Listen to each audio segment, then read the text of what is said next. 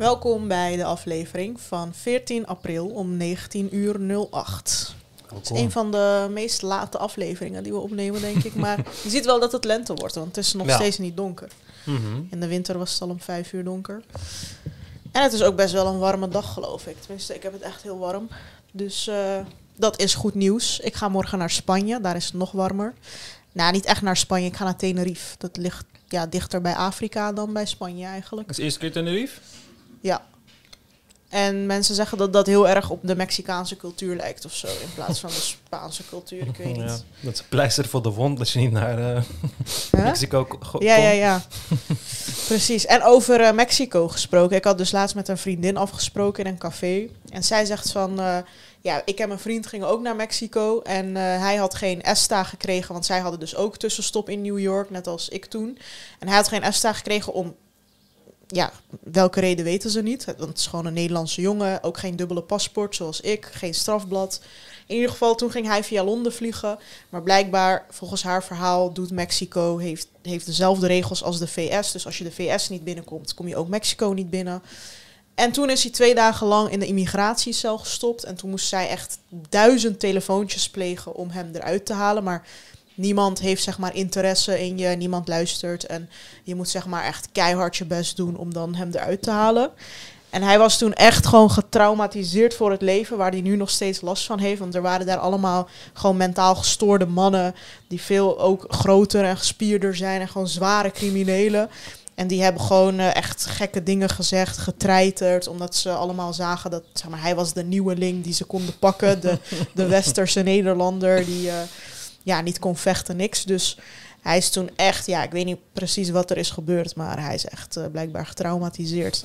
En toen dacht ik, wow, ik was nog van plan om via Madrid inderdaad toch naar Mexico te vliegen. Ik heb echt tot aan het laatste moment getwijfeld. Maar dan denk ik, zou ik dan ook in de immigratiecel komen? Eh, Ja, maar hoe zit dat? Want stel je voor, je doet dat gewoon zonder dat je immigratie wilt omzeilen. Kan je dus gewoon random in de cel belanden. Stel je voor, ik vlieg gewoon en ik wist niet dat ik geen ESTA zou krijgen. Ik wist niet eens dat ik er een nodig had. En ik vlieg via die manier. Ja. Ja, als jij een aantekening bij je naam hebt of zo, dan kan dat gebeuren. En hij had op de een of andere manier een aantekening bij zijn naam of Nou, zo. ik denk dat hij zijn vriendin dan heel wat te vertellen heeft. Ik weet echt niet. Waarom heeft hij een aantekening? Dat, dat weet hij ook niet en dat weet zij Hmm. ook niet. Ja. Maar wat, wanneer krijg je een aantekening dan? Geen idee. Misschien als je ooit in een eh, Arabisch land bent geweest of zo, ik weet het niet. Of, eh, ik heb wel gehoord als je in Iran bent geweest sowieso. Maar ik weet echt niet. Of als je misschien op social media ooit iets... Ja, maar dat zijn echt van die Turkse Ja, ik denk tafereelen. dat verwacht Amerika ik dat niet echt. Maar wel grappig inderdaad dat boef Amerika niet eh, binnenkomt. Ja, kijk, hij heeft gewoon een strafblad, dan begrijp ik het nog wel. Daar zijn ze vrij strikt in. Het is een fucking domme regel, maar ze zijn er wel strikt in. Het is volgens mij het enige land op de wereld die dat, die, die regel hanteert. Ja, Ja. Waarschijnlijk. Ja. Zou dat, zou dat het land ten goede komen? Dat je geen, Ja, eh, uiteindelijk wilden er sowieso zoveel mensen naar Amerika. Dus het is niet dat ze toerisme tekort komen of zo, Ja, precies. denk ik. Wil jij ook naar Amerika? Ja, ik zou... eh, Ik heb wel gehoord dat het tering duur is als je naar New York gaat. ja, ja, dat is zeg maar alles dubbele prijs van hier en zo is. is ook duur. Ja. San Francisco kant is ook fucking duur. Gewoon California staat. Ja, lijkt me wel eh, leuk. Maar ja, dan moet ik wel ooit een ESTA krijgen en ik moet er achteraan gaan. Maar ehm, ja, welkom bij de aflevering. Ik heb zoveel vragen binnengekregen, dus we gaan gewoon gelijk beginnen. Ik wil wel even zeggen dat de RTL net een artikel heeft eh gepubliceerd over dat het enorm makkelijk is om eh, met OVP gratis te reizen en zo. Ja, ik zag En, het. Je had eh, het gedeeld. Ik wilde even, en ik wilde even zeggen dat ik eerder was, twee maanden eerder. Waarom heb ik geen credits gekregen? Ja, misschien hebben ze wel onze podcast stiekem geluisterd. Ja, er stond dus dat eh, er stond een naam van iemand van wie ze hadden doorgekregen, maar dat was dan, ik weet niet, ik probeer die persoon te Misschien vinden. is die persoon ja, ook via waarschijnlijk een luisteraar. Ja, maar 100% Want ik ging die persoon zoeken en het was helemaal niet iemand met een IT-achtergrond of whatever. Die werkte bij een fotograaf of zo. hmm, Dus eh, ja, ik wil wel credits hoor. Ik was de, de eerste crimineel. Ja. ik ben echt blij dat ze niet weer mijn naam of zo erbij hebben gezet. Podcast van Lale Gul. ja. Dus, eh, maar als, als het een van onze luisteraars is die dat heeft gezegd, wil ik wel weten. Ja, ik wil Eh, credits. ik wil niet weten wie, maar laat gewoon in de comments achter. Heb jij het aan RTL Nieuws gezegd? Dat wil ik wel gewoon weten. Ja. Maar wat, wat, wat gaan ze nu, wat voor gevolg krijgt dat dan? Misschien houdt het wel op voor jou. Niks. Ja, kijk, uiteindelijk de enige manier waarbij ze het kunnen omzeilen is dan als je als het geld gelijk eraf trekken. Want nu spaart het gewoon op en aan het einde van de dag gaan ze het eraf trekken. Dus eigenlijk elke keer als je scant ben je geen transactie aan het verrichten. Mhm. Eh, dus dat moeten ze gewoon veranderen naar dat die transactie dan op dat moment verricht wordt. Alleen je betaalt volgens mij per transactie. Dus het gaat dan een stuk duurder voor ze uitkomen. Want als je ze gewoon spaarde voor de hele dag en dan één transactie deed, dan ja, bespaar je gewoon. Dan is het maar één transactie. Dus waarschijnlijk gaan ze dat veranderen en dan, eh, nou ja, dan vind ik, vinden we wel een nieuwe manier. dat het Ja? goed werkt. dat is Ja, werkt. Maar als je dat dan weer op de, in de podcast vertelt, dan ga je zeg Ja, nee, maar eh, dat- ik zal het altijd blijven vertellen. Want kijk, uiteindelijk denk ik niet van, oh, ik wil hier zo lang mogelijk gebruik van maken. Nee, Ja. het is gewoon een, eh, een gat in de beveiliging. En ik ga er gebruik van maken doordat je het hebt gefixt. En als je het hebt gefixt, is dat gewoon prima. Dat is de hele bedoeling eh, van, Ja. van die activiteit eigenlijk. En dat ik er gewoon, eh, weet je, je betaalt gewoon jezelf ermee. Kijk, je kan beveiligingsonderzoeker worden. En dan kun je gewoon een vast contract hebben. En dan krijg je gewoon geld en zo. maar je kan Mhm. ook gewoon zelf die exploits vinden. En dan jezelf uitbetalen in de vorm van een gratis kunnen reizen en zo. Oh ja, precies. dus ja, ik vind wel dat ik een paar maanden gra- gratis reizen heb eh, verdiend voor het werk dat eh, daarin is gegaan. ja, van mij mag gewoon doorgaan. Want ik heb eh, laatst twee boetes van eh, NS gekregen. Dus Waarom? Jongen, het is echt zo'n onzin. Ik zat... Ik zit heel vaak in de verkeerde trein, omdat ik earpods in heb en zit te appen Ja. en zo. En dan kijk ik gewoon niet goed naar het bord of ik veel wat. Gewoon heel vaak zit ik, moet ik naar Rotterdam en zit ik ineens in de trein naar Groningen of zo. Want dan moet ik zeg maar de volgende trein nemen, maar dan komt de trein en dan denk ik, oh, ik moet deze hebben of zo. En dan kijk ik niet meer naar het bord, maar het is eigenlijk zeg maar de Mm, de volgende. Dat heb ik zeg maar duizend keer meegemaakt de laatste tijd. Maar dus ik zat in de verkeerde trein. Daarna, eh, ik denk, oké, volgende halt ga ik eh, uitstappen. En toen zat die goede trein, was zeg maar gelijk tegenover die trein waar ik uitstapte. Mhm. Die, dus die ik moest hebben. Dus ik stap gelijk in die andere trein. En mijn telefoon was uitgevallen, omdat ik geen batterij meer had. Dus ik denk, laat me in de eerste klas zitten. En ik doe die oplader, eh, zeg maar, eh, mijn telefoon opladen. En als er iemand komt, dan betaal ik gewoon eh, eerste klaskaart. Want Ja. ik had gewoon geen zin om uit te zoeken hoe ik dat moest kopen en zo. Dus ik dacht, ja, als er controle komt, doe ik gewoon betalen. Want dat heb ik zo vaak gedaan. En normaal is dat gewoon geen probleem. Dan doen ze zo'n toeslag of zo van 20 euro of zo. En dan kan je het gewoon betalen. En deze vrouw, die weigerde dat gewoon te doen. Dus ging gewoon mij een boete van 70 euro geven. Zeg, nee, je moet zelf eerste eh, halen. dus ja, dat soort dingen. En de tweede keer zat ik ook weer eerste klas. En, eh, ter, en ik, ik zei van, ja, maar tweede klas zat gewoon overal vol. Dus ik zat gewoon eerste klas. En ik vind het gewoon niet erg om de toeslag te betalen. Maar ja, die meneer vond ook dat ik... eh, Ja. zelf dat moest kopen van tevoren. Maar ik snap dat gewoon echt niet. Geef me gewoon een kaartje van eerste klas. Ik wil het gewoon best betalen. ja. Maar ja, het is gewoon van die eh, mensen die dan zo zich machtig voelen of zo. Als ze boete kunnen geven, volgens mij. Ja, ik haat dat. Ik heb eh, met conducteur altijd... eh, ik heb wel eens gehad dat ik een boete kreeg. Echt lang geleden. En dan gaf ik mijn ID zo aan die guy. En het was een Turkse man.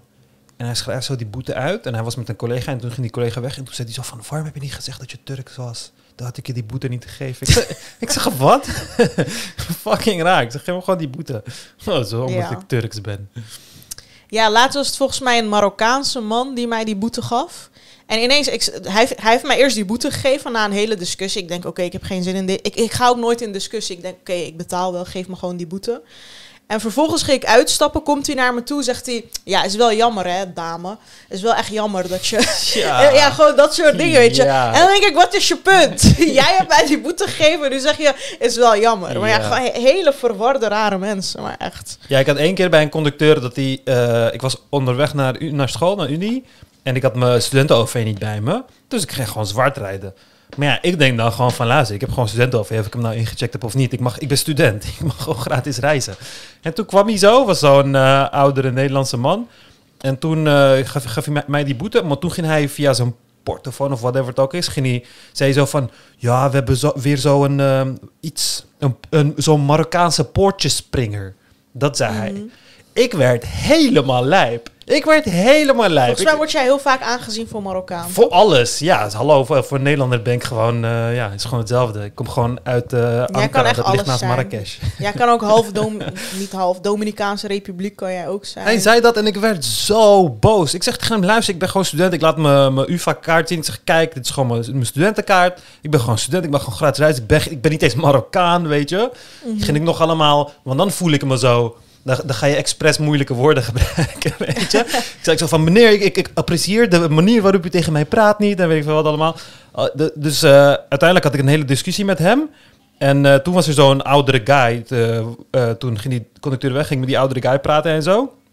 En waar het eigenlijk op neerkomt, is dat jouw baan is gewoon het uitschrijven van een boete en niet om mij een grote mond te geven. Dat Ja. is gewoon jouw baan niet. Dat, hoort, dat zit niet, zo, zeg maar, in de, in de reglementen van NS. Staat er niet van, oh, je krijgt 50 euro boete en een lecture van de conducteur waarbij hij je helemaal... Ja, eh, maar dat doen ze echt allemaal, hè? ja. Gewoon, zeg maar, ik, ik ben gewoon bereid die boete te betalen. Ik ga niet eens in discussie. En ze doen alsof ik een soort crimineel ben of zo. Want hij begon met... eh, eh, ik zei gelijk, al- want hij vroeg me zeg maar mijn vervoersbewijs. En ik zei gelijk al, terwijl ik het geef... Ik heb trouwens geen eerste klaskaart. Ik ben alleen ingecheckt voor tweede klas.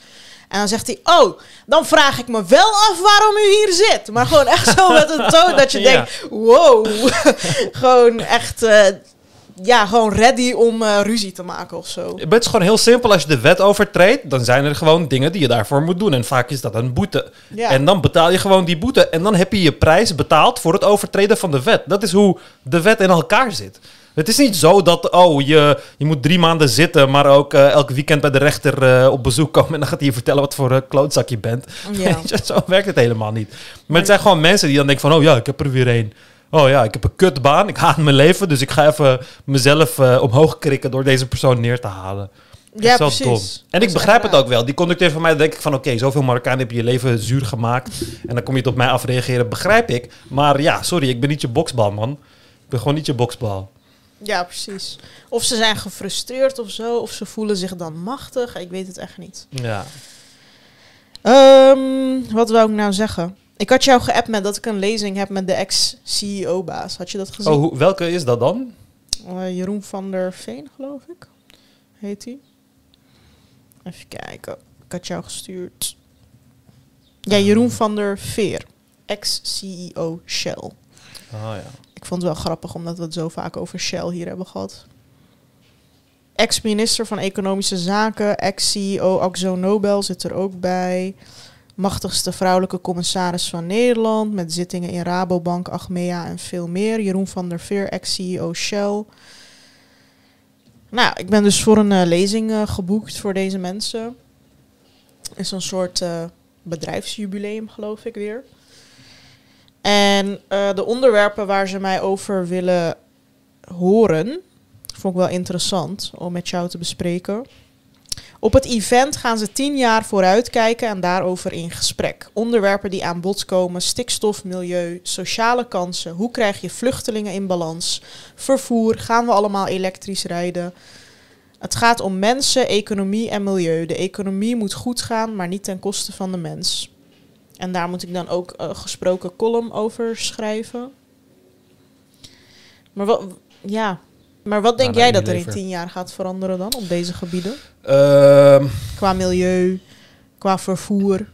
Gaan Ja, we allemaal elektrisch rijden? ehm, ja, ik denk dat... ehm, kijk, sowieso tot... Wanneer is dat? 2035 of zo moeten alle auto's die geproduceerd worden elektrisch zijn. Sowieso hebben heel veel eh, autobedrijven daaraan eh, toegezegd. Natuurlijk zullen wel de oude auto's, die blijven nog. Auto heeft een gemiddelde levensduur van wat? 20 jaar of zo, geen idee. Dus eh, dat zal nog wel duren voordat die van de weg verdwijnen. Maar je ziet wel in, eh, op steeds meer plekken dat eh, de, het percentage elektrische auto's groeit. En dat zal door blijven gaan. Alleen het heeft hele grote investeringen nodig in je infrastructuur. Ons stroomnet, niemands stroomnet in geen enkel land is toereikend voor die dingen. Ehm, dus dat gaat grote dingen met zich brengen. En dat gaat heel veel, voor heel veel wrijving zorgen. Maar ja, kijk, het is uiteindelijk net zo'n groot... Het klinkt allemaal onmogelijk en heel kostig. Maar ja, snelwegen waren dat ook. En het reguliere elektriciteitsnetwerk was dat ook. Dus dat ja, ik, ik, ik eh, lees altijd dat stroomnet al overbelast is in Amsterdam. ja, in- op heel veel plekken is dat zo. maar Eh, hoe kun je dan nog meer elektrisch rijden? Door al die, eh, al die, al die eh, kabels te verdikken, als het ware. Je hebt meer kabels nodig die naar huizen gaan. Want eh, we verbruiken gewoon veel meer elektriciteit. En die overbelasting heb je ook vanwege zonnepanelen die dan terugleveren op het net. Dan wordt het heel druk op het elektriciteitsnet. En steeds meer mensen gaan eh, eh, zonnepanelen nemen. Eigenlijk is de beste optie dat jij gewoon zonnepanelen op je dak hebt. En dan gaat jou, eh, eh, en dan zorgt het gewoon voor je energie. Dan levert dat gewoon de energie voor je woning. En de overtollige energie, in plaats van die terug te leveren op het net, wordt die gewoon opgeslagen in jouw auto. En dan eh, kun je de elektriciteit uit jouw auto in de nacht weer gebruiken. Om, eh, zodat je niet eh, elektriciteit hoeft te tappen van het net. Dan gebruik je je auto als soort van batterij om de overtollige groene energie op te slaan. En dan ben je, zit je in een closed systeem. Dan heb je niet, te maken, dan ben je bijna off the grid, zeg maar. Dan heb je geen stroom nodig, hoef je ook geen stroom terug te leveren. Dan produceer je alles wat je nodig hebt lokaal. Alleen Hmm. ja, dat is alleen maar weggelegd voor mensen die vrij groot wonen en dan genoeg oppervlakte op het dak hebben voor genoeg zonnepanelen. Maar de kosten van zonnepanelen gaat ook enorm eh, dalen. Die is al de laatste 30 jaar al enorm gedaald. Ehm, de zonnepanelen die je nu op een gemiddeld dak ziet, kosten echt 20 jaar geleden kostte dat 3, 4 ton of zo om dat te doen. Terwijl het tegenwoordig voor een paar duizend Echt? euro kan. Wow. Ja, in het begin was het extreem duur. En het, die prijs is ook omlaag gekomen vanwege eh, hele belangrijke investeringen daarin. Amerika heeft dat gedaan, Duitsland heeft dat gedaan, China heeft dat gedaan. Ehm, Maar zijn zonnepanelen alleen maar goed? Want ik luister ook wel eens van die rechtse podcasts waarin ze beweren dat dat eh, niet goed is of zo. Waarom? Of, eh, door de stoffen die je ervoor nodig hebt, die zouden dan weer... Oh ja, maar ik vind dat echt zo'n dom argument. Want kijk, ehm, eh, laten we zeggen, ik heb eh 2 kilowatt aan zonnepanelen op mijn dak. Dat produceert gewoon 2 kilowatt voor mij gemiddeld op een dagelijkse basis. Of op de, op de zonnigste dagen. En stel je voor, ik neem een eh 2 kilowatt eh, fossiele brandstofgenerator. Dus gewoon 2 kilowatt... eh fucking wasmachine, jongen. ik zou echt stuk gaan. Dit is Ja, gewoon een dat- 2 kilowatt generator waar je dan gewoon benzine of diesel of whatever doet. De hoeveelheid stoffen die benodigd zijn om die generator te maken en de uitstoot is vele, vele, vele malen groter. Een zonnepaneel is super licht. Het is gewoon glas, silica en een hele kleine hoeveelheid aan, ehm, aan wat de, wat de more rare materials, zeg maar, wat zeldzamere materialen.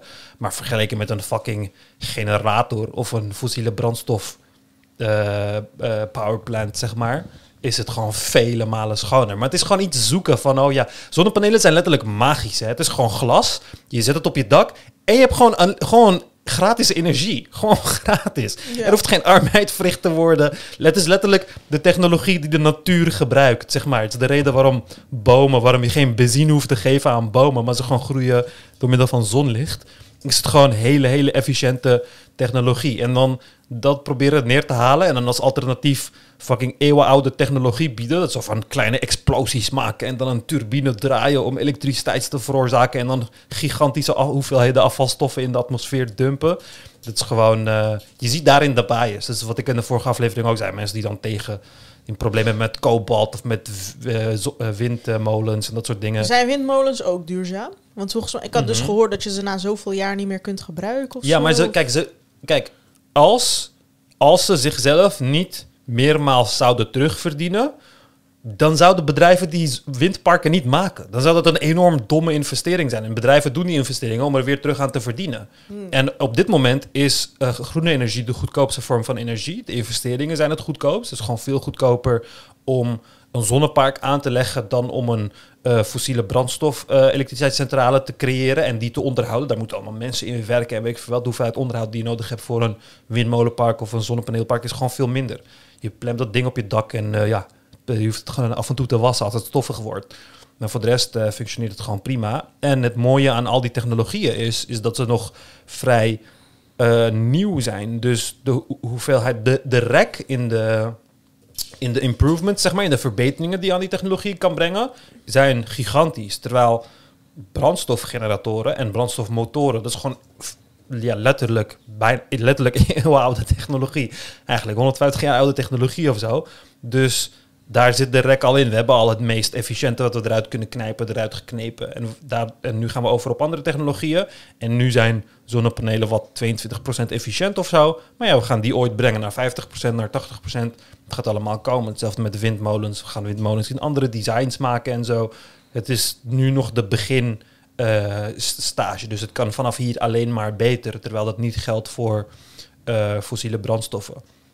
Ja, bij die zonnepanelen hebben ze nu wel de salderingsregeling aangepast. Waardoor je niet meer eh, in de winter. eh, Ja, wat was het nou? In de winter had je normaal geen kosten als je zonnepanelen hebt. En nu heb je gewoon kosten. ja. Want je kan het niet meer eh, opslaan of zo. Ik weet Ja, het ja, je meer. kon het terugleveren en dan kreeg je gewoon een soort van energiecredits en dan kon je die gebruiken op Ja. een ander moment.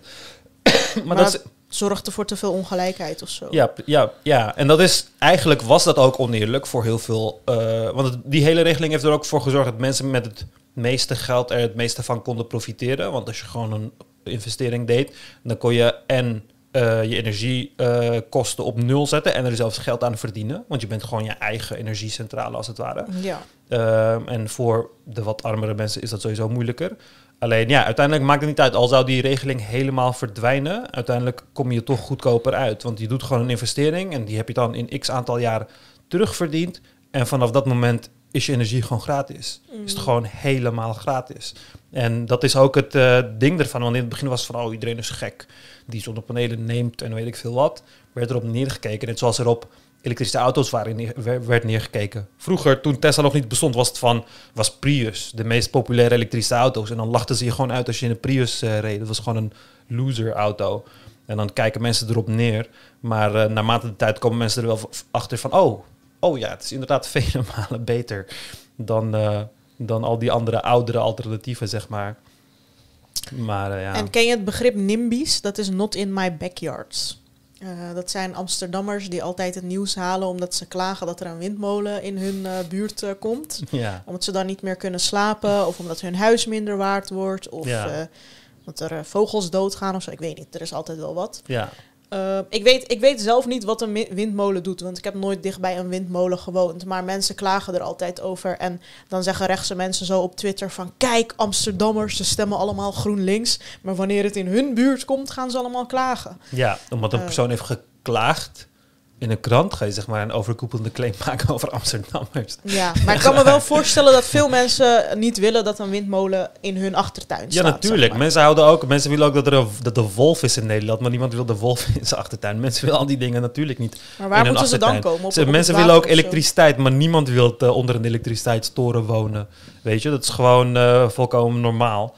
En eh, ja, uiteindelijk, kijk, uiteindelijk gaat sowieso het gros van de windmolens gaat gewoon in de Noordzee komen.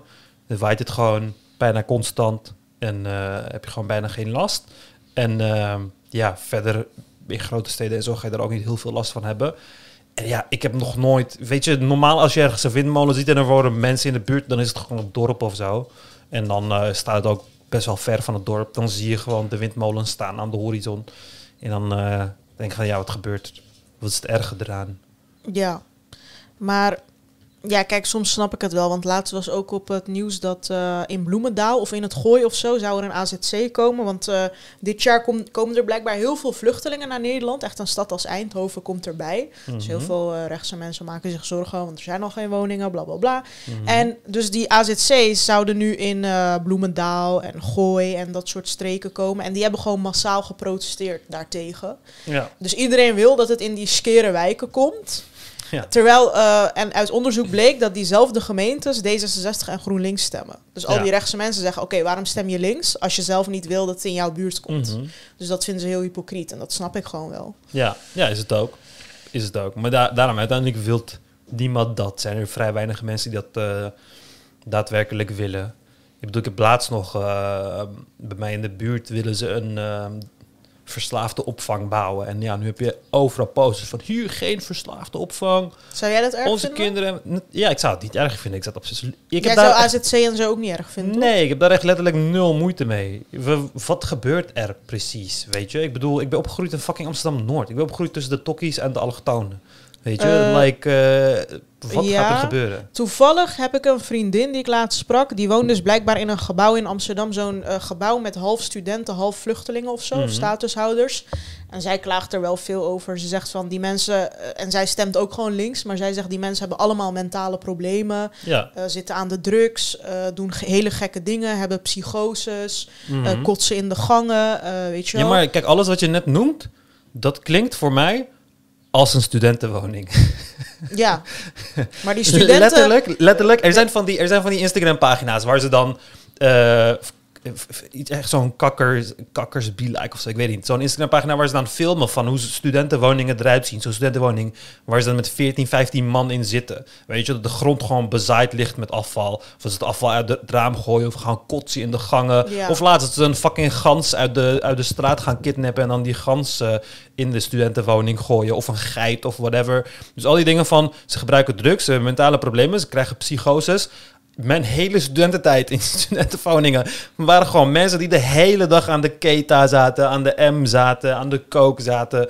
Dat waren letterlijk studenten. Dus ik begrijp dat wanneer je studenten en die mensen bij elkaar gooit, dat je dat gaat krijgen. Maar ik zie niet, als er een asielzoekerscentrum bij mij in de buurt komt, dan is dat wel wat anders dan dat ik met die mensen in een, in een gebouw woon of zo. Er zijn zoveel soorten mensen met wie ik geen gebouw zou willen delen. Waaronder Ja. gewoon tokkies, waaronder gewoon eh, studenten, waar, gewoon best wel veel mensen. Mm. Dus ja, ik begrijp het. Als je in dezelfde woning woont, dan ga je eraan irriteren. Net zoals je kan irriteren aan studenten of Marokkanen of weet ik veel wat allemaal. Maar uiteindelijk als er die as- asielzoekerscentrum moet ergens komen en het gaat niet zo zijn dat er een asielzoekerscentrum bij mij in de buurt komt en dat de straten dan overspoeld zitten met mensen die drugs gebruiken en eh, in, in psychose zitten of zo. Los van dat het ook een vrij normaal fenomeen is in Amsterdam. Ja. Maar eh, ja, ik maak me daar vrij weinig zorgen over, man. Ik, ik bedoel, ik heb eh, veel last gehad van mensen in mijn leven. En eh, tuurlijk zaten er waarschijnlijk ook wel asielzoekers tussen. Maar het is niet dat asielzoekers er met schouders bovenuit steken of zo. Ja. En de andere onderwerpen waren dus sociale kansen binnen tien jaar. Ja, ik weet niet wat ik daarover kan zeggen. Stikstof, milieu. En hoe krijg je vluchtelingen in balans? Wat betekent dat? Nou, dit jaar komt er een stad als Eindhoven bij. En heel veel mensen klagen nu van... Maar waar gaan ze wonen dan en zo? ja, maar ik vind het echt raar, hè? Er komt een stad als... Want dat, dat gingen ze gebruiken. Geen stijl zei eh, een stad als Lelystad en zo. En dan denk ik van, ja, maar elk jaar dat er asielzoekers kwamen... was het hoeveelheid even groot als een stad in Nederland. elk jaar. Ja, maar, Maar ze slapen nu ook een- buiten en zo. ja, maar er is nu gewoon een nieuwe tactiek gevonden van, oh ja, een stad als Eindhoven. Ik had eh, toen ook in de groep, iemand had het gedeeld in de groep. Elk jaar worden drie keer zoveel mensen geboren in Nederland als de stad Eindhoven. Drie keer zoveel, weet je? En dan van, oké, laten we dan stoppen met die... Er zijn geen woningen. Stop met die kinderen. En kinderen kosten bakken met geld. Weet je hoeveel subsidies Kinderen hebben toch en geen woning nodig? Ja, maar uiteindelijk wel. Pas eh, na twintig jaar. Jawel, als jij kinderen krijgt, dan heb jij gewoon een grotere woning nodig. En wanneer ze uit huis gaan, hebben ze het nog grotere woningen nodig. En studentenwoningen en weet ik veel wat. En los je dan geen kinderen krijgen? en los daarvan, moet, we moeten ze zoveel subsidies en geld geven tot, totdat ze zelf kunnen werken. Tot hun 24ste of zo. En, eh, dat is je eigen studie, bevolking en een kind krijgen hoort ja, bij precies, het leven. precies. Dus dan denk je niet van... Oh, ja, we hebben woningen tekort of zo. Of, oh nee, dit jaar komen er drie Eindhovens bij. Ja, maar er gaan dit jaar ook drie keer zoveel mensen... als dat er mensen komen dood. En honderdduizend mensen of whatever... gaan ook emigreren vanuit Nederland naar een ander land. Dat gebeurt gewoon constant.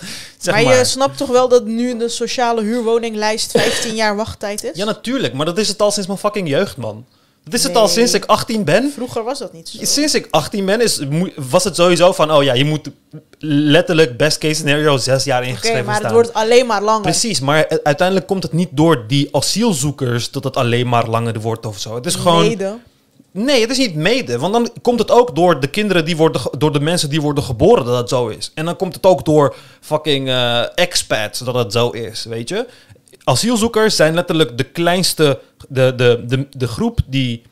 Ja, ze gaan in huizen wonen die de meeste mensen die klagen om woningen sowieso niet zouden nemen. Weet je, mensen klagen heel erg veel over middensegmenten en allemaal dat soort dingen, dat dat niet te vinden is. Heel veel van de mensen heeft dit recht op sociale huurwoning. En dan denk ik van, ja, het komt gewoon niet door de asielzoekers. Want het is gewoon het feit dat we gewoon geen woning hebben gebouwd, het feit dat we falende beleid hebben gehad op het gebied van eh, woningen. En dan moeten we niet daarop focussen, maar dan komt het door de asielzoekers. En dat is mijn probleem met die hele depiction van er komt een stad als eh, eh, Eindhoven bij. Want het komt er niet bij. Het komt er alleen bij als je, als je alleen op die plus focust. Op die 40.000 plus of whatever focust. Maar je focust niet op de minnetjes. Op de 100.000 mensen die per jaar doodgaan. Daar focus je niet op. Dan is het niet van, oh, er zijn 100.000 mensen doodgegaan. Dus we kunnen nu wel 40.000 asielzoekers erbij nemen. Dat zegt niemand. Want daar denk je dan niet aan. Het is gewoon van, want dan in je hoofd is het dan van, wow, dit jaar komt er Eindhoven bij. En dan volgend jaar ook. En dan daarna ook. En dan in jouw hoofd is dat alleen maar plus, plus, plus. Het Ja, stapelt alleen volgens maar mij op. komen er wel meer mensen bij dan dat er dood of weggaan hoor. Want, Oh ja, eh, natuurlijk, elk maar- jaar hebben we meer Nederlanders. Oh ja, natuurlijk. Maar de hoeveelheid mensen die er dan bij komen is dan veel minder, vele, vele malen minder dan een stad als Eindhoven. En dat is het punt dat ik probeer te maken. Want het is een bepaalde manier van uitleggen. En dat is dit jaar nieuw, terwijl het elk jaar al zo was, dat je het kon vergelijken met een stad. Maar dat is niet de som. De som is niet, er komen plus 40.000 mensen bij. Nee, er, zijn, er gaan misschien 30.000 mensen dood en er gaan 40 mensen, eh, 40.000 mensen bij. Dit was trouwens ook een vraag van de kijker, eh, bedenk ik me nu. Van, eh, ik heb het idee dat Lale en Eumer... eh, Oké, ik ga even onze namen normaal uitspreken. 170.000 mensen sterven per jaar. Ja, ik heb het idee dat Lale en Eumer eh, anders denken over vluchtelingen. Oh ja, dat is fucking het idee. Dat is toch fucking duidelijk in elke Ja. aflevering. Nou ja, kijk, ik heb geen probleem met vluchtelingen. Van mij mag iedereen komen, behalve... nee, je hebt een probleem met moslims. Ja, precies. Dat is het, dat heb, maar ook het met... mooiste wat ik van jou vond is zo van... Ja, ik doe zo... Ik doe de, de kieswijzer en er komt steeds PVV. Maar ik wil gewoon geen moslims in Nederland. Maar er komt de hele tijd PVV. Ik begrijp niet waarom er PVV komt. maar, dat is gewoon echt- PVV-standpunt. Ik heb, ik, heb, ik heb zoveel Turkse vloggers gekeken die precies hetzelfde standpunt hebben. Die Ja, maar willen ook- natuurlijk. Die willen ook niet meer Arabieren. Ja, maar Want die brengen conservatisme mee naar Turkije en daar zitten ze niet op te wachten. Hetzelfde voor mij. Ik zit ook niet op conservatieve Amerikanen te wachten. Begrijp me niet verkeerd. Überhaupt wil ik niet meer conservatieve mensen in Nederland. Ja. Ehm, dus ja. En ja, islamitisch, kijk, dat etiket kan je gewoon hebben terwijl je heel modern bent. Kijk, dan mag je van mij komen. Dat, dat, ik bedoel niet dat elke moslim niet mag komen. ja. Maar ja, de meeste moslims zijn gewoon, hebben gewoon hele conservatieve ideeën. Die haak staan op moderne samenleving, bla bla bla. Ja. En ik heb zeg maar geen zin in een toekomst waarbij in Nederland ook abortus eh, ter, het, eh, weet je wel, ter discussie komt of zo. ja, maar het zijn niet asielzoekers die dat ter dis- discussie Nee, brengen. uiteindelijk als die mensen als van dat- Semokro de meerderheid hebben, ga Ja, maar het zijn niet de mensen van Semokro die dat allemaal fixen. Het zijn gewoon conservatieve Nederlanders die dat soort onderwerpen eh, aanbrengen. Er- Conservatieve het Nederlanders zijn niet tegen abortus. het- hoe bedoel je? Het zijn letterlijk christenen die, die eh, protesteren voor abortuscentra. Oh ja, die wel. Ja, maar het zijn die, geen Marokkanen. ja, maar welke Marokkaan of welke moslim heeft in de politiek gebracht van... oh ja, we moeten stoppen met eh, abortus? Niemand. Het zijn allemaal christelijke Nee, Nederlanders. Nee, nog niet in de politiek gebracht, omdat ze zichzelf niet kunnen organiseren. Maar dat nee, wel- maar het, het is gewoon voor, voor hun een veel be- minder belangrijkere ding. Het zijn altijd Oké, christelijke... abortus misschien niet altijd inderdaad. Abortus is altijd een christelijk ding geweest. Moslims Ja, boeit dat allemaal niet. Die gaan niet protesteren. Ja, maar dan Nee, moeten we die christenen... man, maar waarom- vrouw, LGBTQ, Maar, kom- homo, maar waarom hetero. zullen we dan niet christenen weren uit Nederland? Nou ja, die zijn er al, toch? Je, net als dat Nee je maar, nee, maar er gaan heel veel asielzoekers, christelijke asielzoekers komen. Heel veel van de Afrikaanse asielzoekers zijn christelijk. Ja, die wil ik ook liever niet. Ja, maar ook de christenen weren? Ja. Ja, dus alleen atheïsten. Nee, moderne mensen. Oké, dus ook moderne moslims. Ja, Ja, maar dan kun je dus niet zeggen, ik ben tegen meer moslims. Tegen conservatieve moslims. Nee, je bent tegen conservatieve gelovigen, want je wilt ook Ja. geen christenen. Ja. Maar zie je, dat is dus een heel ander standpunt dan... ik, wil geen moslim, ik wil niet meer moslims in Nederland. Ja, dus dus ik, een ik weet, je hebt er niet echt een woord voor, maar ik denk... In mijn hoofd zijn zeg maar, de meerderheid van moslims een groter gevaar. Maar dat is eigenlijk niet waar, want meerderheid van christenen... Maar ik heb het idee dat er niet zoveel christenen zijn. Dus Heel veel van de Afrikaanse eh, vluchtelingen zijn gewoon Oké, maar dat is een hele kleine minderheid volgens mij. Ik kom ze nooit tegen, tenminste. Ja, heel veel van de Oost-Europese vluchtelingen zijn ook christelijk. Kijk, ik geef heel vaak lezingen op scholen. Ja. Laatst was ik weer op een school, multiculti. En ze hadden daar, die leraren zaten letterlijk met hun handen in het eh, haar, omdat eh, het een hele gepolariseerde school was. Alle groepen waren gewoon heel vijandig tegenover elkaar. Dus wat hebben die leraren bedacht? Respectdag. Ik ga niet zeggen welke school, dan eh, gaan ze me haten. In ieder geval, respectdag. En dan hebben ze mij uitgenodigd om een lezing daarover te houden.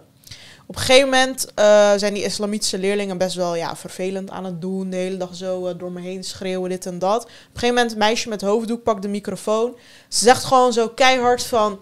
eh, dit is voor alle leraren. Het is zogenaamd respectdag. Dus snap ik niet waarom Lale Gül is uitgenodigd. Want zij staat voor alles behalve respect. Het enige wat zij doet is haten, zaaien, bla bla bla. Nou, ze gaat dus fel tegen mij tekeer, bla bla bla. Nou, ik blijf gewoon kalm. Het is uiteindelijk een leerling van... eh, 17 of 16 of zo. Ja. Dus ik ga gewoon met haar in discussie. Oh ja, eh, waarom vind je dat en zo? Nou, uiteindelijk eh, loopt ze helemaal vast. En op een gegeven moment zegt zij gewoon... En trouwens, dat geldt ook voor de regenboogvlag. Ik als moslim ondersteun dat gewoon niet. Het wordt door onze strot geduwd. LGBTQ, regenboogvlag. Wij willen dat niet. We gaan dat niet accepteren. Klaar. En dan krijgen ze zo applaus, bla bla bla. gewoon helemaal... En dan zijn er homo's die, die dat niet leuk vinden.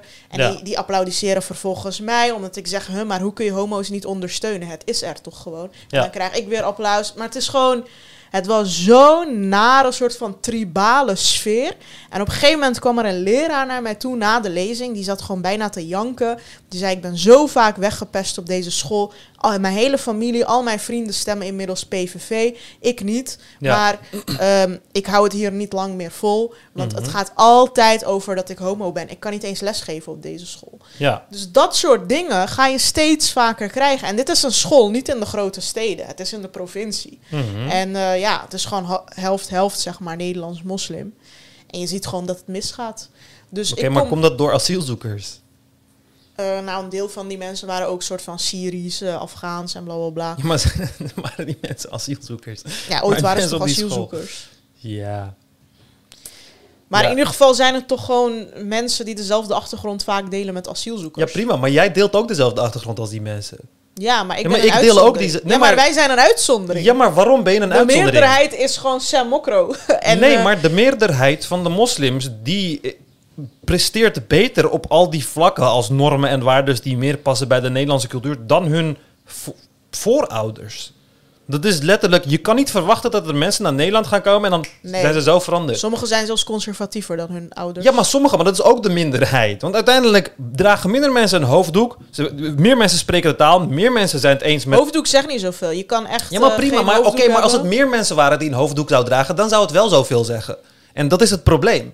Want als mensen die, als, als, als ik zeg van, oh, meer mensen dragen een hoofddoek, kijk, ze worden eh, religieuzer, dan is het van, oh ja, legitiem punt. Maar als ik zeg minder mensen dragen een hoofddoek, dan is het van, oh ja, dat zegt niet zoveel. Het feit blijft dat moslims, dat er tegenwoordig meer moslims zijn die homo's accepteren of homohuwelijken accepteren dan ooit tevoren in Nederland.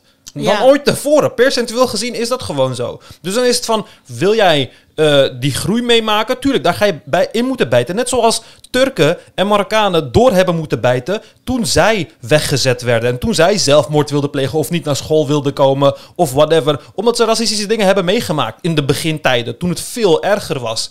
Toen de politie, de, eh, bijna alle agenten racistisch waren, de staat racistisch was. Toen het vele malen erger was. Hebben ze moeten doorbijten en doorbijten. En toen zijn de Nederlanders steeds wat minder racistisch geworden. Weet je? Maar toen hebben we ook niet Wat gezegd heeft van... het met racisme te maken? Ik snap het niet. Het heeft daar heel veel mee te maken, want het is een verandering. Want die racisme is een verkeerde... Kijk, kijk, homofobie van een moslim die dan zulke dingen zegt... is hetzelfde als racisme van een Nederlander... die dan dingen zegt over Turken of Marokkanen. Het is onbegrip. Het is een aversie van, eh, vanuit onwetendheid. Een angst vanuit onwe- onwetendheid... die zich dan vormt tegen, in een soort van kwaadaardig gedrag. Ja. En dan kun jij ook best als... Turken en Marokkanen naar Nederland komen, zien dat mensen racistisch als vlak zijn. En dan zeggen van ja, Nederlanders zijn nou eenmaal zo. We moeten Nederlanders weer uit Turkije, want Nederlanders zijn racistisch en weet ik wat. Maar wat maak je met de tijd mee? Dat mensen met elkaar praten en samen groeien en weet ik veel wat allemaal. Dat mensen steeds begrijpender worden. En hoe je 20 jaar geleden misschien 99% van je vrienden Nederlands was, is dat nu een veel grotere mix. Een veel multiculturelere mix. En dat is binnen alle vriendengroepen in voornamelijk de grote steden, is dat gewoon zo. Dus in de realiteit kunnen heel veel mensen het prima vinden. Maar als je gaat focussen op fucking kinderen op school. Kijk, dat is, ik vind, dat is echt zo'n pauwnieuws tactiek. Dat is gewoon van, ga gewoon naar welke school je ook wilt. En het maakt niet uit of er allochtonen op zitten of Chinezen of Nederland. Het maakt letterlijk niet uit. Ga naar een middelbare school en interview gewoon mensen. En dan gaat de meest domme shit uitkomen. Dat is gewoon normaal. Maar het heeft, dat hoeft verder eh, niet te zeggen van, oh, die mensen zijn verloren en dan moeten we die mensen weren. Want het ligt niet in die, aan die mensen hun DNA of de religie Ik zeg die ook ze... niet dat aan hun DNA ja, ja, of de religie die ze, die ze, die ze, die ze vasthouden. En weet ik. Want al die dingen zijn dynamisch en al die dingen kunnen veranderen. En dat is gewoon... Dus al die leraren die mij mailen met ik maak me echt zorgen, want op school is er echt een hele verpreutsing. We mogen geen posters ophangen van vrouwenlichamen, want islamitische kinderen. Ja, maar wat is, het verschil tussen, wat is het verschil tussen leraren die dan zeggen van ja, eh, op school is het helemaal woke en we mogen niet eens meer posters ophangen met witte mannen erop en weet ik veel wat allemaal. Het is toch exact hetzelfde probleem aan beide kanten van, van, de, van de, de extreme. Ja, ik weet niet. Ik krijg nooit mails met scholen. Ja, maar het nieuws zit er vol mee dat de, de mensen scholen te woke vinden. Dus wat is het nou? Dat je geen homo kan zijn in scholen? Of dat scholen te woke zijn en dat je geen kritiek mag hebben op homo's en trans mensen of weet ik wat? Want beide spelen. En dan is het van op welke ga je focussen om, om je, je soort van preconceived notions te focussen. Wil jij geloven dat, eh, weet ik veel, ehm, verlichting of eh, verlichting, dat de modernisering overneemt en dat woke overneemt, dan kun je daarop focussen. Wil jij geloven dat moslims en conservatief conservatisme eh, eh, wint, dan kun je daarop focussen. Maar het is belangrijk om het in het geheel te bekijken en te zien dat het voorbeelden zijn van extreme. Want voor elk voorbeeld dat wordt aangehaald, kan ik een voorbeeld aanhalen vanaf de andere kant. En dat is echt niet makkelijk. En dat is echt niet moeilijk. En dat is hetzelfde met die asielzoekers. Dat was ook in de groep. Kijk, 76.000 asielzoekers komen dit jaar. 76.000. Dat klinkt fucking veel. is een stad als fucking Lelystad. Maar dan gaat er dit jaar gaan er 170.000 mensen dood in Nederland. En 174.000 mensen gaan weg. Dat is 350.000 Dan hou je mensen. alsnog heel veel mensen over. Precies, dus er gaan 350.000 mensen weg en er komen 76.000 mensen bij. Maar dat is niet. Kijk, als je doet aan eerlijke informatie, eh, eh, eh, hoe heet dat? Informatieverspreiding, dan vertel je dat. Je zegt niet van, yo, ehm, ik heb een portemonnee en er komt elke dag 4 euro bij. Nee, dan vertel je je hele fucking transacties. Want anders weet je helemaal niks over hoeveel geld je uiteindelijk in je portemonnee hebt. Je hoort alle informatie te hebben. En wanneer je nadenkt van, oh, 350.000 mensen gaan weg. En dan komen er 76.000 asielzoekers bij. En letterlijk 170.000 nieuwgeborenen. Dan is dat stuk genuanceerder in plaats van wanneer je dit leest, dan denk je gewoon van ja, tien jaar later, want dat zijn de reacties die onder deze artikelen leest. Ja, over tien jaar heten onze kinderen Mohammed. Weet je, dat is wat mensen al 30 jaar roepen. En het is er gewoon nooit van gekomen. Het is er gewoon nooit van Oké, gekomen. dus Tuurlijk. waar wij in verschillen is dat jij denkt dat het met de tijd gewoon allemaal eh, gewoon goed komt. En Ja, maar is dat niet gebeurd? Niet dat ik het weet. Ik weet niet. Hoe? Turken Hoe? hadden gemiddeld acht kinderen toen ze hier naartoe kwamen. Ja, misschien Ze met hebben dat soort 2,1 dingen wel. Ja, maar met al die dingen is het zo. Eh, Onderwijsniveau is hoger. Criminaliteit is lager. Eh, Geboortecijfer is hetzelfde als, als Nederlanders. Gezondheid. Hoe meer je al die, wanneer je al die lijn hebt van verschillende afkomsten, hoe meer de tijd bevordert, des te meer ze in dezelfde lijn zullen liggen als de Nederlander. Dat is met al die dingen ja, zo. maar Turken stemmen nog steeds 70, 80 Ja, procent maar prima, maar over 20 jaar we wat- anders. Nederlanders stemmen fucking massaal BBB. Dus wat moeten we zo allemaal uitmoorden of zo? Vergelijk je nou BBB je? met AK-partij? Ja, natuurlijk. Natuurlijk. Wat, hoe Wat denk jij, dat het met hoe- elkaar hoe, te maken? Hoe denk je dat heel veel? Hoe denk jij dat Nederland eruit zou zien als het geregeerd zou worden door boeren voortaan? Zou je een fijn land hebben? sowieso heb je altijd coalities en zo. Ja, maar wat denk je dat al die boeren eh homo, homovrijheid en dan weet ik veel wat allemaal. Dat soort BBB dingen heeft niks willen? tegen homo's. Ja, nu. Eh, heeft meerdere mensen in, in, in de groep hebben gezegd dat men- mensen die in de provincie wonen met religieuze ouders hebben gezegd dat mensen van BBB zijn langsgekomen en hebben gezegd van ja, het staat nu nog niet in het partijprogramma, maar in de toekomst gaan we dingen als abortus en zo ook aanpakken om gewoon stemmen te winnen. Sure, waarschijnlijk liegen ze om die mensen mee te winnen, maar ja, ze zijn er niet vies van. En al die, ik bedoel, je hebt fucking FVD, je hebt PVV en je hebt BBB in Nederland en meer dan genoeg BBB mensen is stemmen erop. geen rechtsconservatieve partij. BBB is een rechtsconservatieve partij. letterlijk, eh, hangen ze geen geloof aan. En Ja, maar hebben- wie hangt wel een, welk geloof hangt PVV ja, sommige aan? partijen zijn eh Welk geloof hangt partijen. FVD aan? Weet je, ze hangen allemaal geen geloof aan. FVD is gewoon uitgesproken Maar hoe is- conservatief. Hoe is een partij die niet gelooft in klimaatverandering, niet gelooft in de stikstofcrisis en alleen maar door wilt gaan met produceren, niet rechtsconservatief? Ja, je wilt letterlijk niet veranderen. Ja, maar dan ben je rechtsconservatief. Want zijn ze links? Is BBB Volgens mij ontkennen ze dat niet. Ze willen het alleen trager aanpakken, geloof ik. Nee, ze ontkennen letterlijk. BBB zegt letterlijk van eh, eh, de visserij op de Noordzee is goed voor, voor vissen.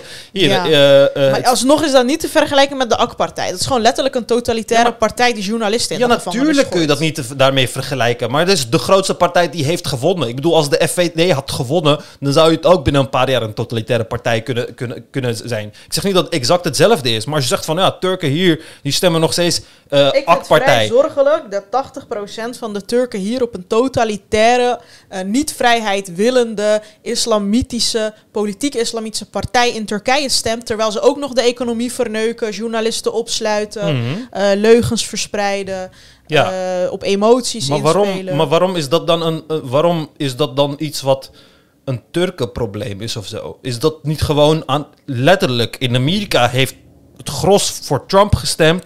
In Nederland heeft een periode het gros voor FVD gestemd.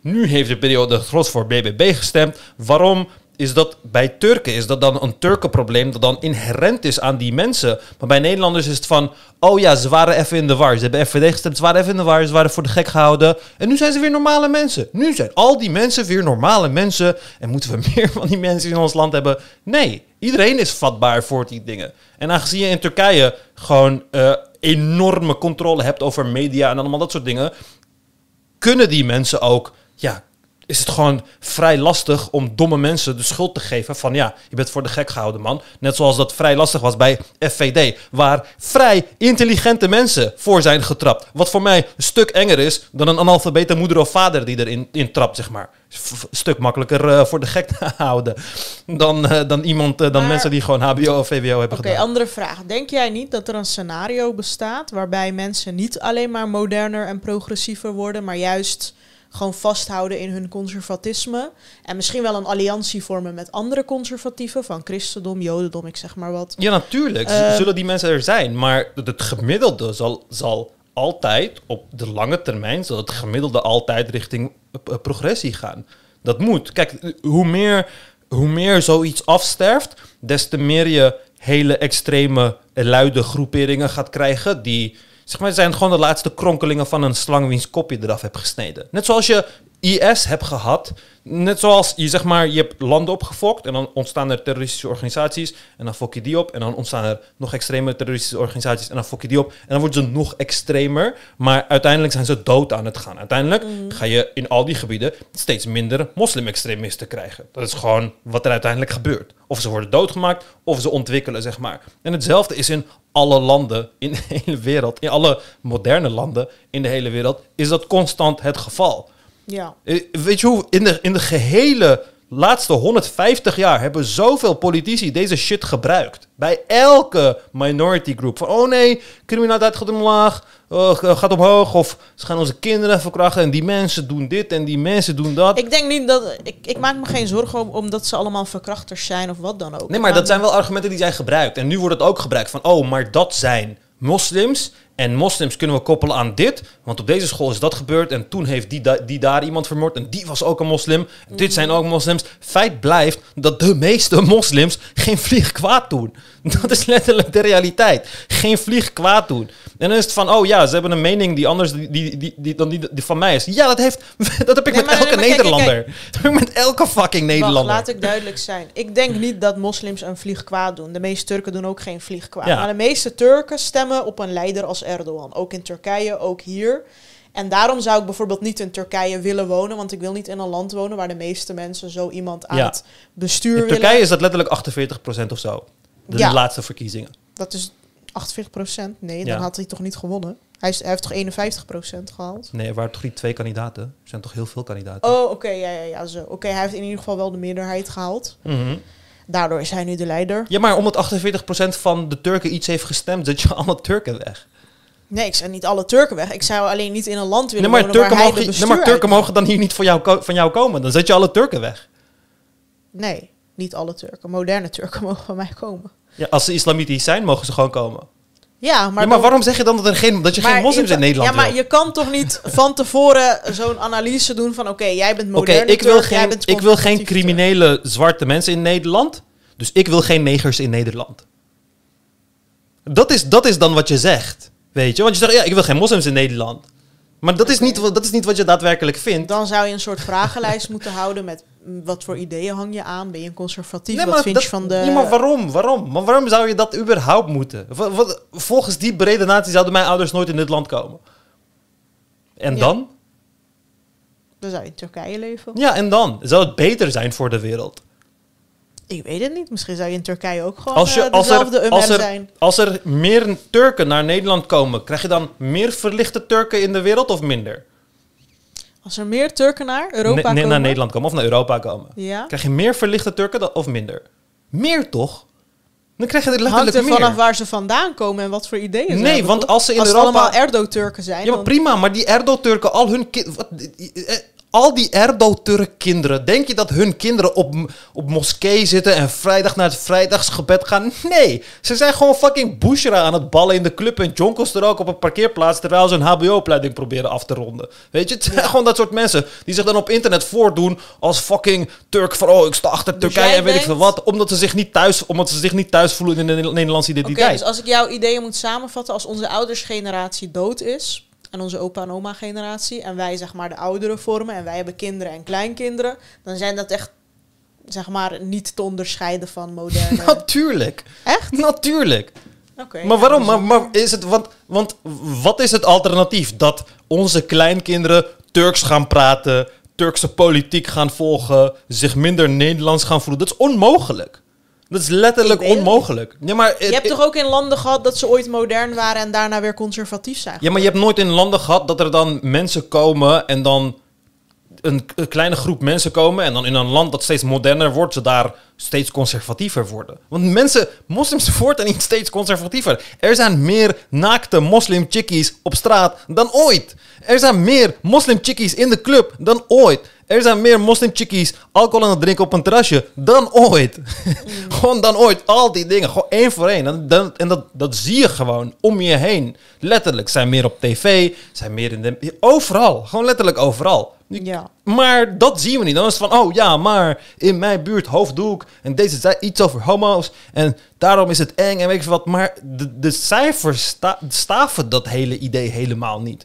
Want dat zeggen ze Nou, al. Heel veel scholen waar ze mij uitnodigen is er echt een hele gepolariseerde sfeer. Ja, maar natuurlijk, maar jij bent Lale Gül. Ik bedoel, ja, iedereen denkt dat jij een boek hebt geschreven waarin je je fucking vingert op de Koran of zo. Weet je? Vingert op de Koran. Ja, als disrespect zo.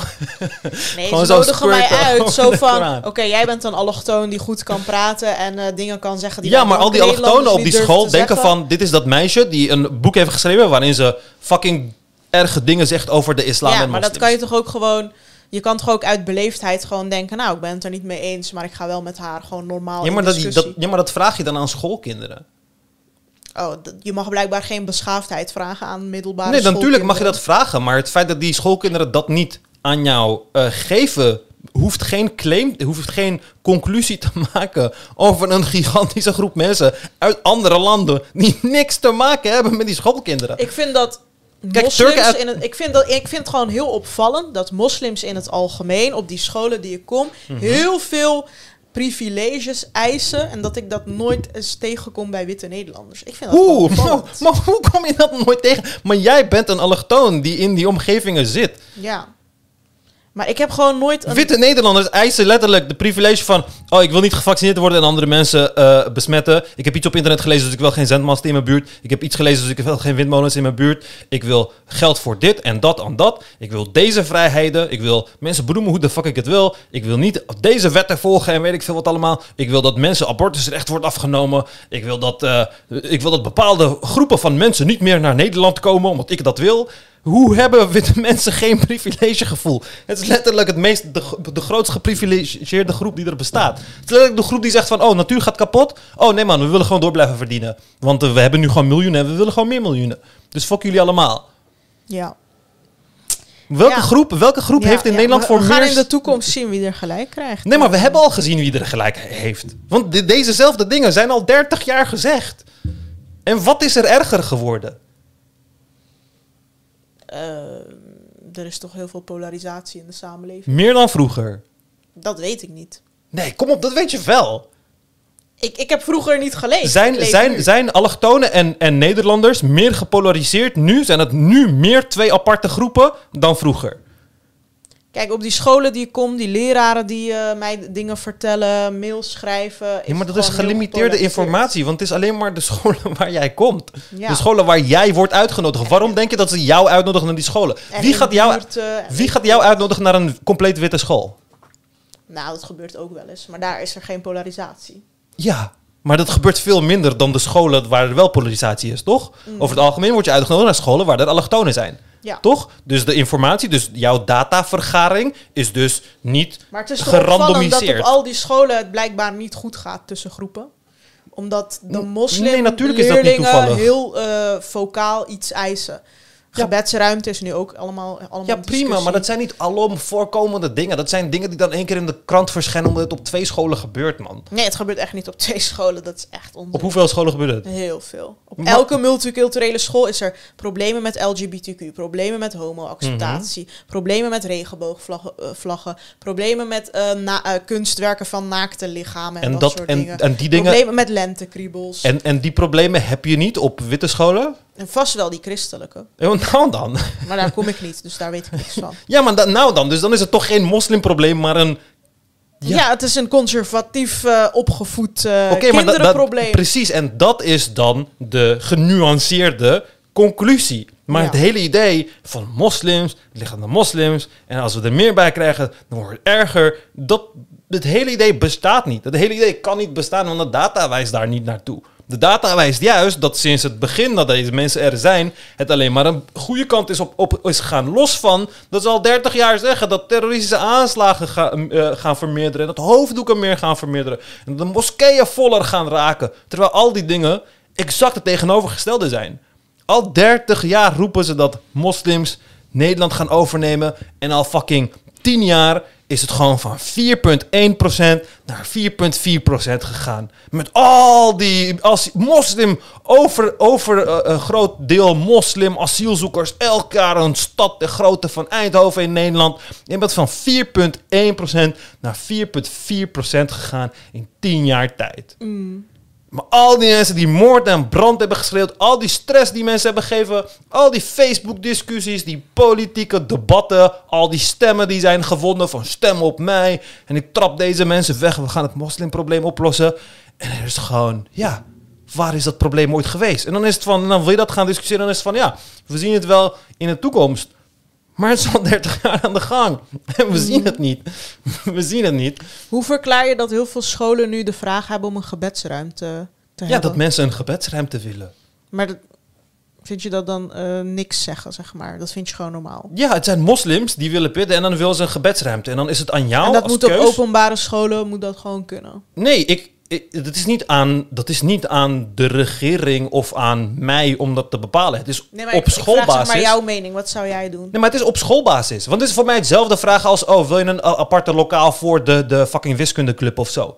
Weet ik niet. Ik weet niet of dat verplicht moet zijn. Hangt van de situatie af. Hoeveel kinderen heb je die in de wiskundeclub willen? Weet je, al die scholen hebben ook aparte lokalen voor fucking LHBTI-studenten. Zodat ze daar kunnen zitten en met elkaar kunnen praten en kunnen discussiëren over onderwerpen. Ja, dat is Of ook bij- het eh, argument van de islamitische ja, of, of natuurkundestudenten. Die clubs die heb je altijd. En dan is het van, ja, hoeveel zijn het er? Hoeveel eh, mensen hebben daar behoefte aan? Wat zijn de effecten die dat gaat hebben? En weet ik wat. En dan mag je op schoolbasis, want je bent gewoon een vrije school. Jij mag dat zelf bepalen. De directeur of de, de, de leiding, die Nou, mag dat gewoon bepalen. Ja, heel veel scholen zeggen dus nee. Want wij Ja, en zijn dat is een prima dan. openbare school en niet religieus. En wij willen gewoon geen gebedsruimte faciliteren. Ja. Maar dan eh, worden eh, islamitische leerlingen blijkbaar heel kwaad. En dan gaan ze in de gangen bidden. En als een leraar ze komt storen, dan gaan ze in de krant zeggen van... nou, ik werd heel gewelddadig, weet ik veel, mijn gebedskleedje werd afgepakt Ja. of zo. ja. En de partij Denk heeft daar kamervragen over gesteld. Van, Ja, en eh, prima, En en ze dat beroepen dat zich het op artikel 1. eh, nee, artikel nog wat, vrijheid van godsdienstuiting. Ja, en die ze- vrijheid heb je. hè?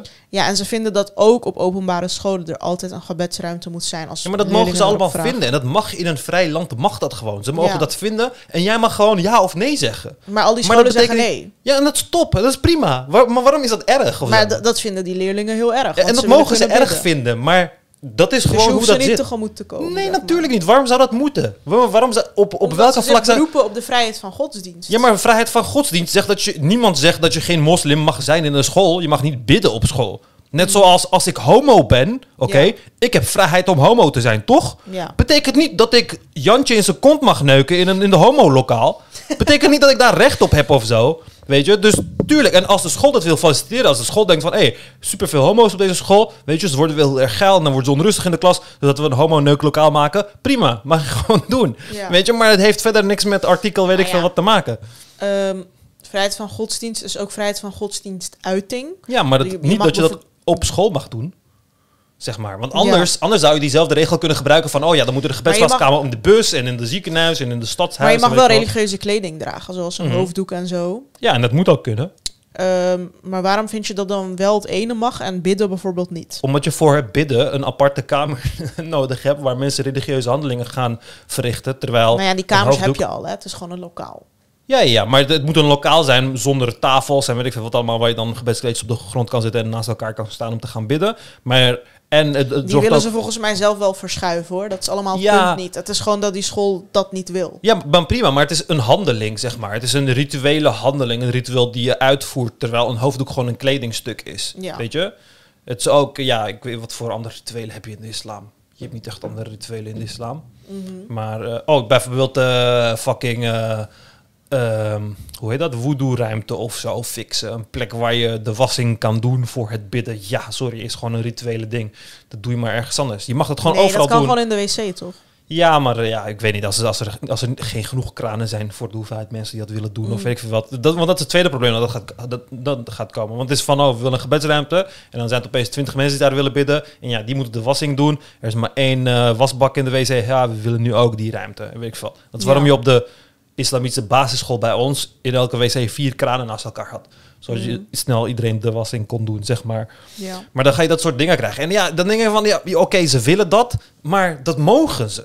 Het is een vrij land. Ze mogen dat letterlijk gewoon willen. Net zoals homo's dat mogen willen, of de natuurkundeclub dat mag willen, dat mogen ze willen. En de school mag gewoon zeggen ja of nee. Het gaat om dat ze het er niet eens mee zijn dat de school nee zegt. Ja, man, en dat mag. Ja, dat mag ook. En dat, dat is ook geen probleem of zo. Dat is ook geen teken van... Nee, ik zeg ook niet dat het een groot probleem is. Ik wil alleen je mening weten. Ja, want kijk, uiteindelijk is het gewoon, kwamen die dingen vaker voor. Dus bijvoorbeeld, ehm, toen ik op eh, de middelbare school zat in Amsterdam-Oost... dan moesten de meiden tijdens het gimmen gewoon een hoofddoek afdoen.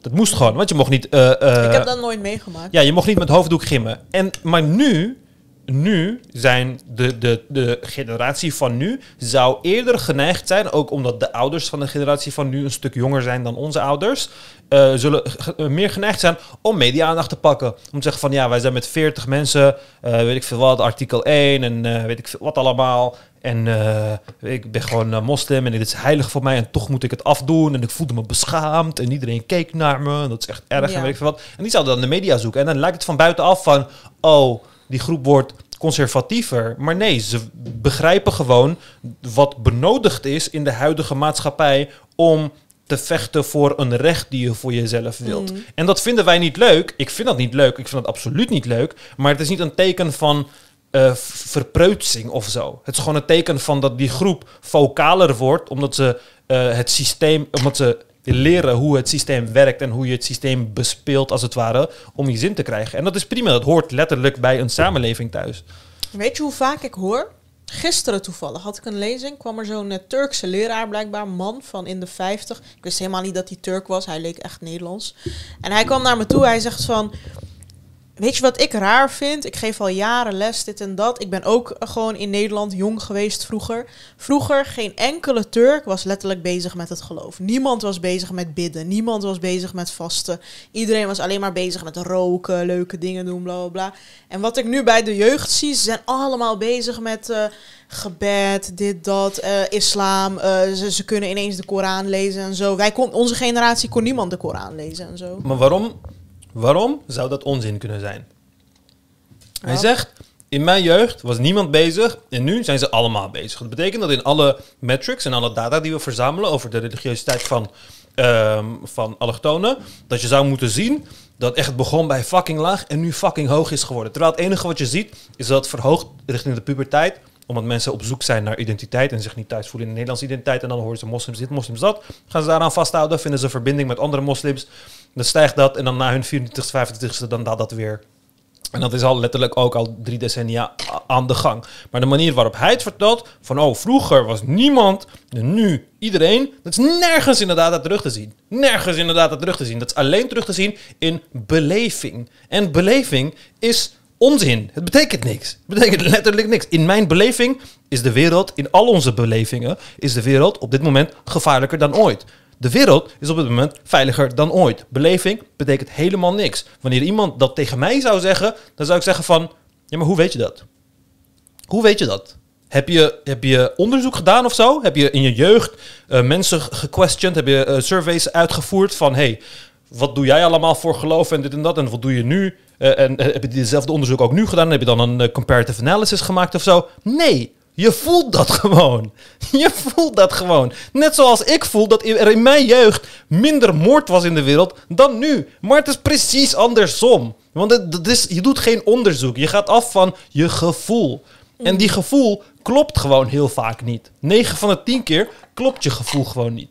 Je was het ene moment was je heel erg jong, hield je bezig met hele andere dingen, zag je hele andere dingen. En nu ben je oud en nu krijg je veel meer voorbeelden voorgeschoteld over veel andere onderwerpen. Dus dan kun je geen evenwichtige vergelijking maken. Dat kan gewoon niet. En dat is gewoon een heel simpel stukje kritisch denken, wat dat soort mensen moeten aanleren. Ik weet niet of die man leraar was, maar Ja, als het een leraar, leraar. is, ja, maar hoe ben je leraar dan? Als je zo'n denkfout maakt. Wiskunde leraar is hij. ja, ik bedoel, ja, logica hoort bij wiskunde. Dan is het gewoon een hele simpele logica-fout die hij maakt.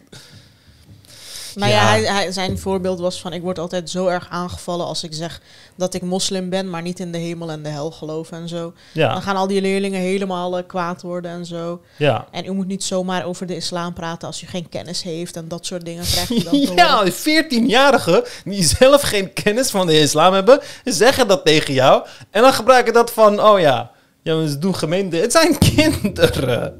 Ja. Het zijn fucking, fucking domme kinderen. Die letterlijk zelf de Koran waarschijnlijk niet hebben gelezen. En dan is het van, oh ja, maar in mijn jeugd, mijn jeugd was anders dan hoe ik behandeld word in deze klas. Ja. Ja, de ballenbak bij de IKEA was ook anders dan de UvA, ja. Dat is inderdaad een anekdotisch bewijs, zoals Izzy dat zo mooi noemde. Oké, ik ga over naar het volgende onderwerp. Ehm, geen vraag, maar kan Umer vaker spreekbeurten, spreekbeurten houden, net als toen over stikstof? Kan Ja. je dat? Ja, ja. Ik moet alleen die presentaties maken. Duurt, Wa- duurt wa- gewoon altijd... eh, Waar zou je het over willen hebben dan? De volgende ik wil het keer? wel eens een keer over stereotype, stereotype threat hebben. Eh, Thread? Wat is dat? Ja, stereotype threat. Dus dat is... ehm, het is iets in de sociologie. Het is een aantal decennia terug eh, ontdekt. En eh, basically dat als jij... Als er een stereotype is in een bepaald veld... en jij behoort tot die stereotype... dan zul jij ook eh, slechter presteren. Mhm. Dus bijvoorbeeld, eh, je, je, je, gaat, je neemt leerlingen en je laat ze golven. En vervolgens, eh, of nee, je neemt, je neemt jongens en je neemt meisjes en je laat ze schaken. En vervolgens zeg je tegen de meiden, zeg je tegen één groep meiden dat mannen veel beter zijn in schaken dan vrouwen. En dat, is, dat het gewoon wetenschappelijk onderzocht is en bewezen is en weet ik veel wat. En de andere groep vertel je dat niet. De groep vrouwen die je hebt verteld dat mannen beter zijn in schaken dan vrouwen, presteren slechter Ja? presteren vele malen slechter. Ja, en dan kun je ook sport. In sport kun je dat ook gebruiken. Dan neem je twee groepen studenten, witte en zwarte. En dan eh, laat je ze golven, een sport die ze niet eerder hebben eh, uitgevoerd. Als je tegen ze zegt dat, golf, dat sportintelligentie enorm belangrijk is bij golven, dan presteren de witte kinderen beter. Omdat witte, witte kinderen een, een, een eigen bias hebben van, oh, witte mensen zijn intelligenter dan zwarte mensen. Maar wanneer je zegt, eh sportatletisme zorgt ervoor dat je beter presteert in golf. Wanneer je zo'n groep neemt, dan eh, eh, performen zwarte studenten beter. Want zwarte studenten weten van, oh, zwarte zijn gemiddeld atletischer dan witte mensen. Beide van die dingen kloppen niet, maar het zijn wel biases die in mensen leven. En het, het, het is met al die dingen zo. Dus bijvoorbeeld als je een, een vrouw een wiskundetest laat doen, in het bijzijn van andere vrouwen, dan scoort ze beter dan wanneer ze dat doet in het bijzijn van andere mannen Ja. bijvoorbeeld. En dat heeft allemaal te maken met hoe wij, hoe wij bepaalde dingen... eh, dus dat was ook heel lang geleden dat ik een eh, ding gemaakt over eh, Marokkanen in de criminaliteit. En dat was ook een van de redenen die ze in het onderzoek hadden gezet. Dus als jij, je bent Marokkaan, Marokkaan criminaliteit wordt eh, steeds gekoppeld. En dat die stereotype bestaat in de samenleving en jij daarvan af weet, zorgt ervoor dat de kans dat jij in de criminaliteit raakt groter is. Het heeft een effect daarop, zeg maar. En het klinkt volkomen woke, gestoord en weet ik veel wat en zo. Maar stereotype, eh, st- stereotype threat is gewoon eh, heel bekend veld in de sociologie. Er zijn meer dan 300 studies over gepublished. En het heeft hele sterke bewijzen. En het gaat in al, al die aspecten door. Dus bijvoorbeeld, ze doen er ook dingen tegen. Dus ehm, wat, eh, ze proberen zeg maar hoe heet zoiets, mitigation tactics te vinden. Dus manieren om het tegen te houden. En dan eh, eh, neem je dan een groep met zwarte en witte kinderen. En dan, vertel, en dan is er gewoon een bias dat die zwarte mensen denken van... oh, wij zijn dommer dan witte kinderen, dus wij gaan slechter presteren. En het is niet iets wat je daadwerkelijk gelooft en aan denkt... maar het zit gewoon in je onderbewustzijn. Dan performen ze ook daadwerkelijk slechter... maar dan kun je ze bepaalde onderzoek, eh, bepaalde tactieken laten doen... zoals self-affirmation. Self-affirmation is een psychologietactiek... waarbij je gewoon de waarden die belangrijk voor jou zijn... en wat je van jezelf vindt, ga je dan even opschrijven... En zo. Het is heel dom, klinkt het heel... Het lijkt echt beter. Zo schrijf van ik ben slim. ik vind wat allemaal. Moet je vaak bij psychologie doen. Maar wanneer je die kinderen dan dat laat doen, dan uh, verdwijnt de racial differences tussen de, uh, tussen de uh, scores. Uh, oh, vermindert dan met 40%. En dat is gigantisch. Wow. 40%. Door gewoon dat te doen. Door even stil te staan en dan even iets te schrijven, waardoor je die unconscious biases in je hoofd wegzet, zeg maar, weg kan zetten. Dat is met al die dingen zo. Bijvoorbeeld, ze zijn erachter gekomen op universiteiten dat als je entrepreneurship als een mannelijk iets presenteert in je boeken, in je lesmateriaal en weet ik veel wat, dat veel minder vrouwen entrepreneurs worden. Maar als je het mm. als iets, als een genderneutrale beroep eh, presenteert, dan worden veel meer vrouwen entrepreneurs. En ook als er meer voorbeelden zijn van vrouwelijke entrepreneurs, dan doen vrouwelijke entrepreneurs het veel beter dan mannelijke entrepreneurs. En dat is in, in zoveel verschillende uh, uh, velden is dat zo. En dat, dat komt basically dat mensen dan, als mensen geloven dat zij uh, fysiek minder capabel zijn in iets, dan zullen ze ook minder moeite doen. Dan lukt het niet om meer moeite te doen. Terwijl als jij weet, kijk, als jij Asian bent en jij weet van wow, Asians zijn echt goed in wiskunde. Dan ga je minder snel opgeven tijdens het leren van wiskunde. Want dan denk je van, oh nee, dit hoort een stuk makkelijker voor mij te zijn dan al deze witte en zwarte kinderen. Dus nee, ik moet gewoon doorgaan. Terwijl als je zwart bent en je leest van, ja, zwarte kinderen zijn minder goed in wiskunde, dan kom je, dan ben je thuis wiskunde aan het leren. En dan denk je van, oh, dit wordt moeilijk en zo. Oh, ja, maar ik ben zwart. Ik ga dit sowieso niet redden. Wij zijn sowieso slechter in wiskunde. En allemaal dat soort dingen. Ook met sport en zo. Denk je van, ik ben zwart. Ik kan snel rennen. Ik ben nog lang niet moe, vriend. Ik ga gewoon doorrennen. Ik ben gewoon zwart. I got this, weet je. En die dingen zijn dan ook niet, vaak ook niet eens waar. Het is vaak ook niet eens waar dat er in zwarte mensen iets anders is of zo. Waardoor ze beter presteren of in witte mensen. Maar omdat die stereotypes bestaan in de samenleving. Maar het is toch zo dat uh, zwarte mensen van, van nature een drogere hoe noem je dat, bouwen. Ja, maar dat zijn dan echt zwarte mensen die je importeert uit Kenia en zo. Weet je? Ja, maar, dus Kenianen hebben dan een Ja, maar op, in Amerikaanse scholen zitten geen Kenianen. Het zijn African Americans die al drie, vier, vijf generaties in Amerika wonen. Mhm. Dus die... Uh, die dus het geldt alleen voor Kenianen of zo? Ja, je moet best wel puur Keniaan zijn. Het, het, en het is ook niet alleen Keniaan. Het is gewoon ACT en 3-gen uh, mutatie. Dat komt gewoon veel, vaak, uh, veel voor bij West-Afrikanen en zo. Um, en niet bij allemaal. Maar bijvoorbeeld... Um, goed zijn in wiskunde of zo. Het is niet een genetisch iets, weet je. Maar Asian kinderen scoren wel beter. Maar als Asian kinderen uh, geconfronteerd worden met dat een. Uh, ja, ik weet niet of die onderzoek bestaat, nu ga ik iets verzinnen hoor. Maar als je, als je, als je zeg maar, ze het idee geeft dat het andersom is. Dus bijvoorbeeld bij die golfvoorbeeld, dus het idee geeft dat zwarte kinderen beter zijn, dan presteren ze gewoon beter, uh, mm. slechter. En er is dan ook. Kijk, je hebt stereotype threat, maar je hebt ook stereo, stereotype lift. En dat is dan dat omdat jij gelooft, dat, omdat jij gelooft in een positief stereotype van, mhm. oh, ik ga uh, dit doen en ik ben man en mannen zijn goed in dit, dan ga je ook beter presteren. Oh, dat, stereo, dat stereotype boost. Maar er, er, is ook stereotype lift. En dat is dan dat het horen van negatief stereotypen over anderen ervoor zorgt dat jij beter bent. Dus als wit persoon hoef je dan niet te horen van witte mensen zijn beter in wiskunde. Je hoeft alleen te horen zwarte mensen zijn slechter in wiskunde en dan zal jij beter presteren in wiskunde. Want dan denk je van hé, hey, ik ben niet zwart en hun mhm. zijn slechter, dus ik kan niet slecht zijn in wiskunde, terwijl het niet zo werkt. Het zijn altijd gemiddeldes. Uh, dan denk je van ja, ik ben niet zwart, ik kan waarschijnlijk wel makkelijk wiskunde uh, uh, presteren in wiskunde en dan ben je er veel beter in. En daarom het, het, irritante aan dit is dat in de huidige maatschappij lijkt wat ik nu zeg op complete extreem woke bullshit, weet je. Echt zo van, oh, we moeten iedereen zo goed behandelen en niet zeggen dat de ene groep beter is dan de andere en weet ik veel wat allemaal. Maar het is de realiteit, want woorden... Kijk, in de weet, ik heb heel vaak het voorbeeld gegeven dat als jij weet dat een medicatie bijwerkingen heeft, dat de kans dat je die bijwerking krijgt vergroot. Dus taal, taal en besef van dingen heeft een enorm groot impact op je, op je lichaam en geest. Dus waarom zou het bij die dingen niet doen? Weet je, en daarom mhm. kun je ook naar, uh, daar was er heel ding over toch, LAX. Had een hele taalgids uitgebracht. En toen had ze daar de ja. jongens en meisjes uitgeknipt. Het van, oh, vanaf nu mag je geen jongens en meisjes Oh ja, voor en context, eh, LAX, dat staat voor, ik weet niet, dat is in ieder geval, dat gaat over wat er op scholen gebeurt. Bijvoorbeeld als je klaagt over je examens en Landelijk zo. actiecomité scholieren. Ja, gebeurt het ook bij LAX, dat weet ik nog vroeger. Er werd altijd geklaagd over examens daar.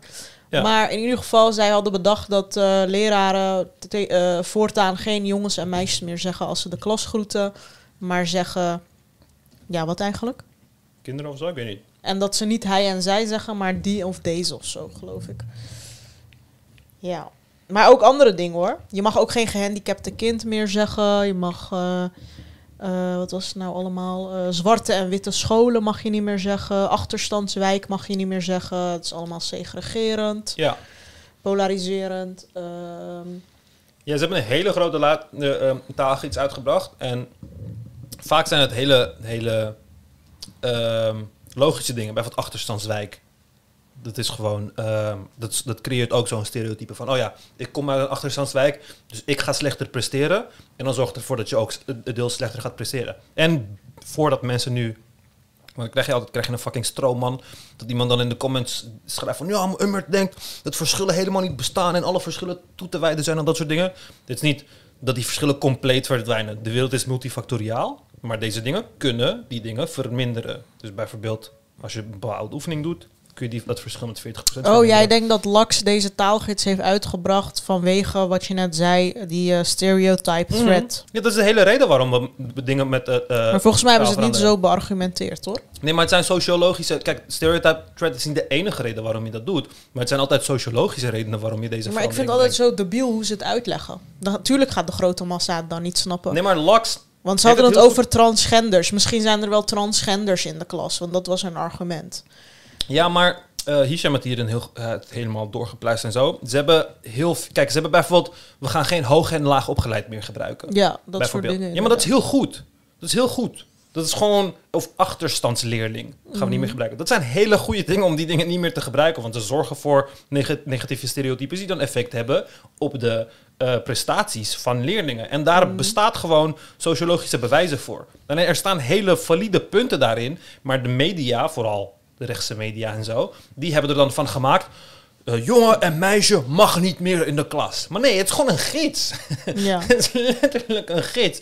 Als ik een gids uitbreng van, weet ik veel, hoe je moet lopen of zo. Bedenk niet dat je op, op alle andere manieren lopen verboden is. Het is letterlijk een, een, een gids van een actiecomité voor leerlingen.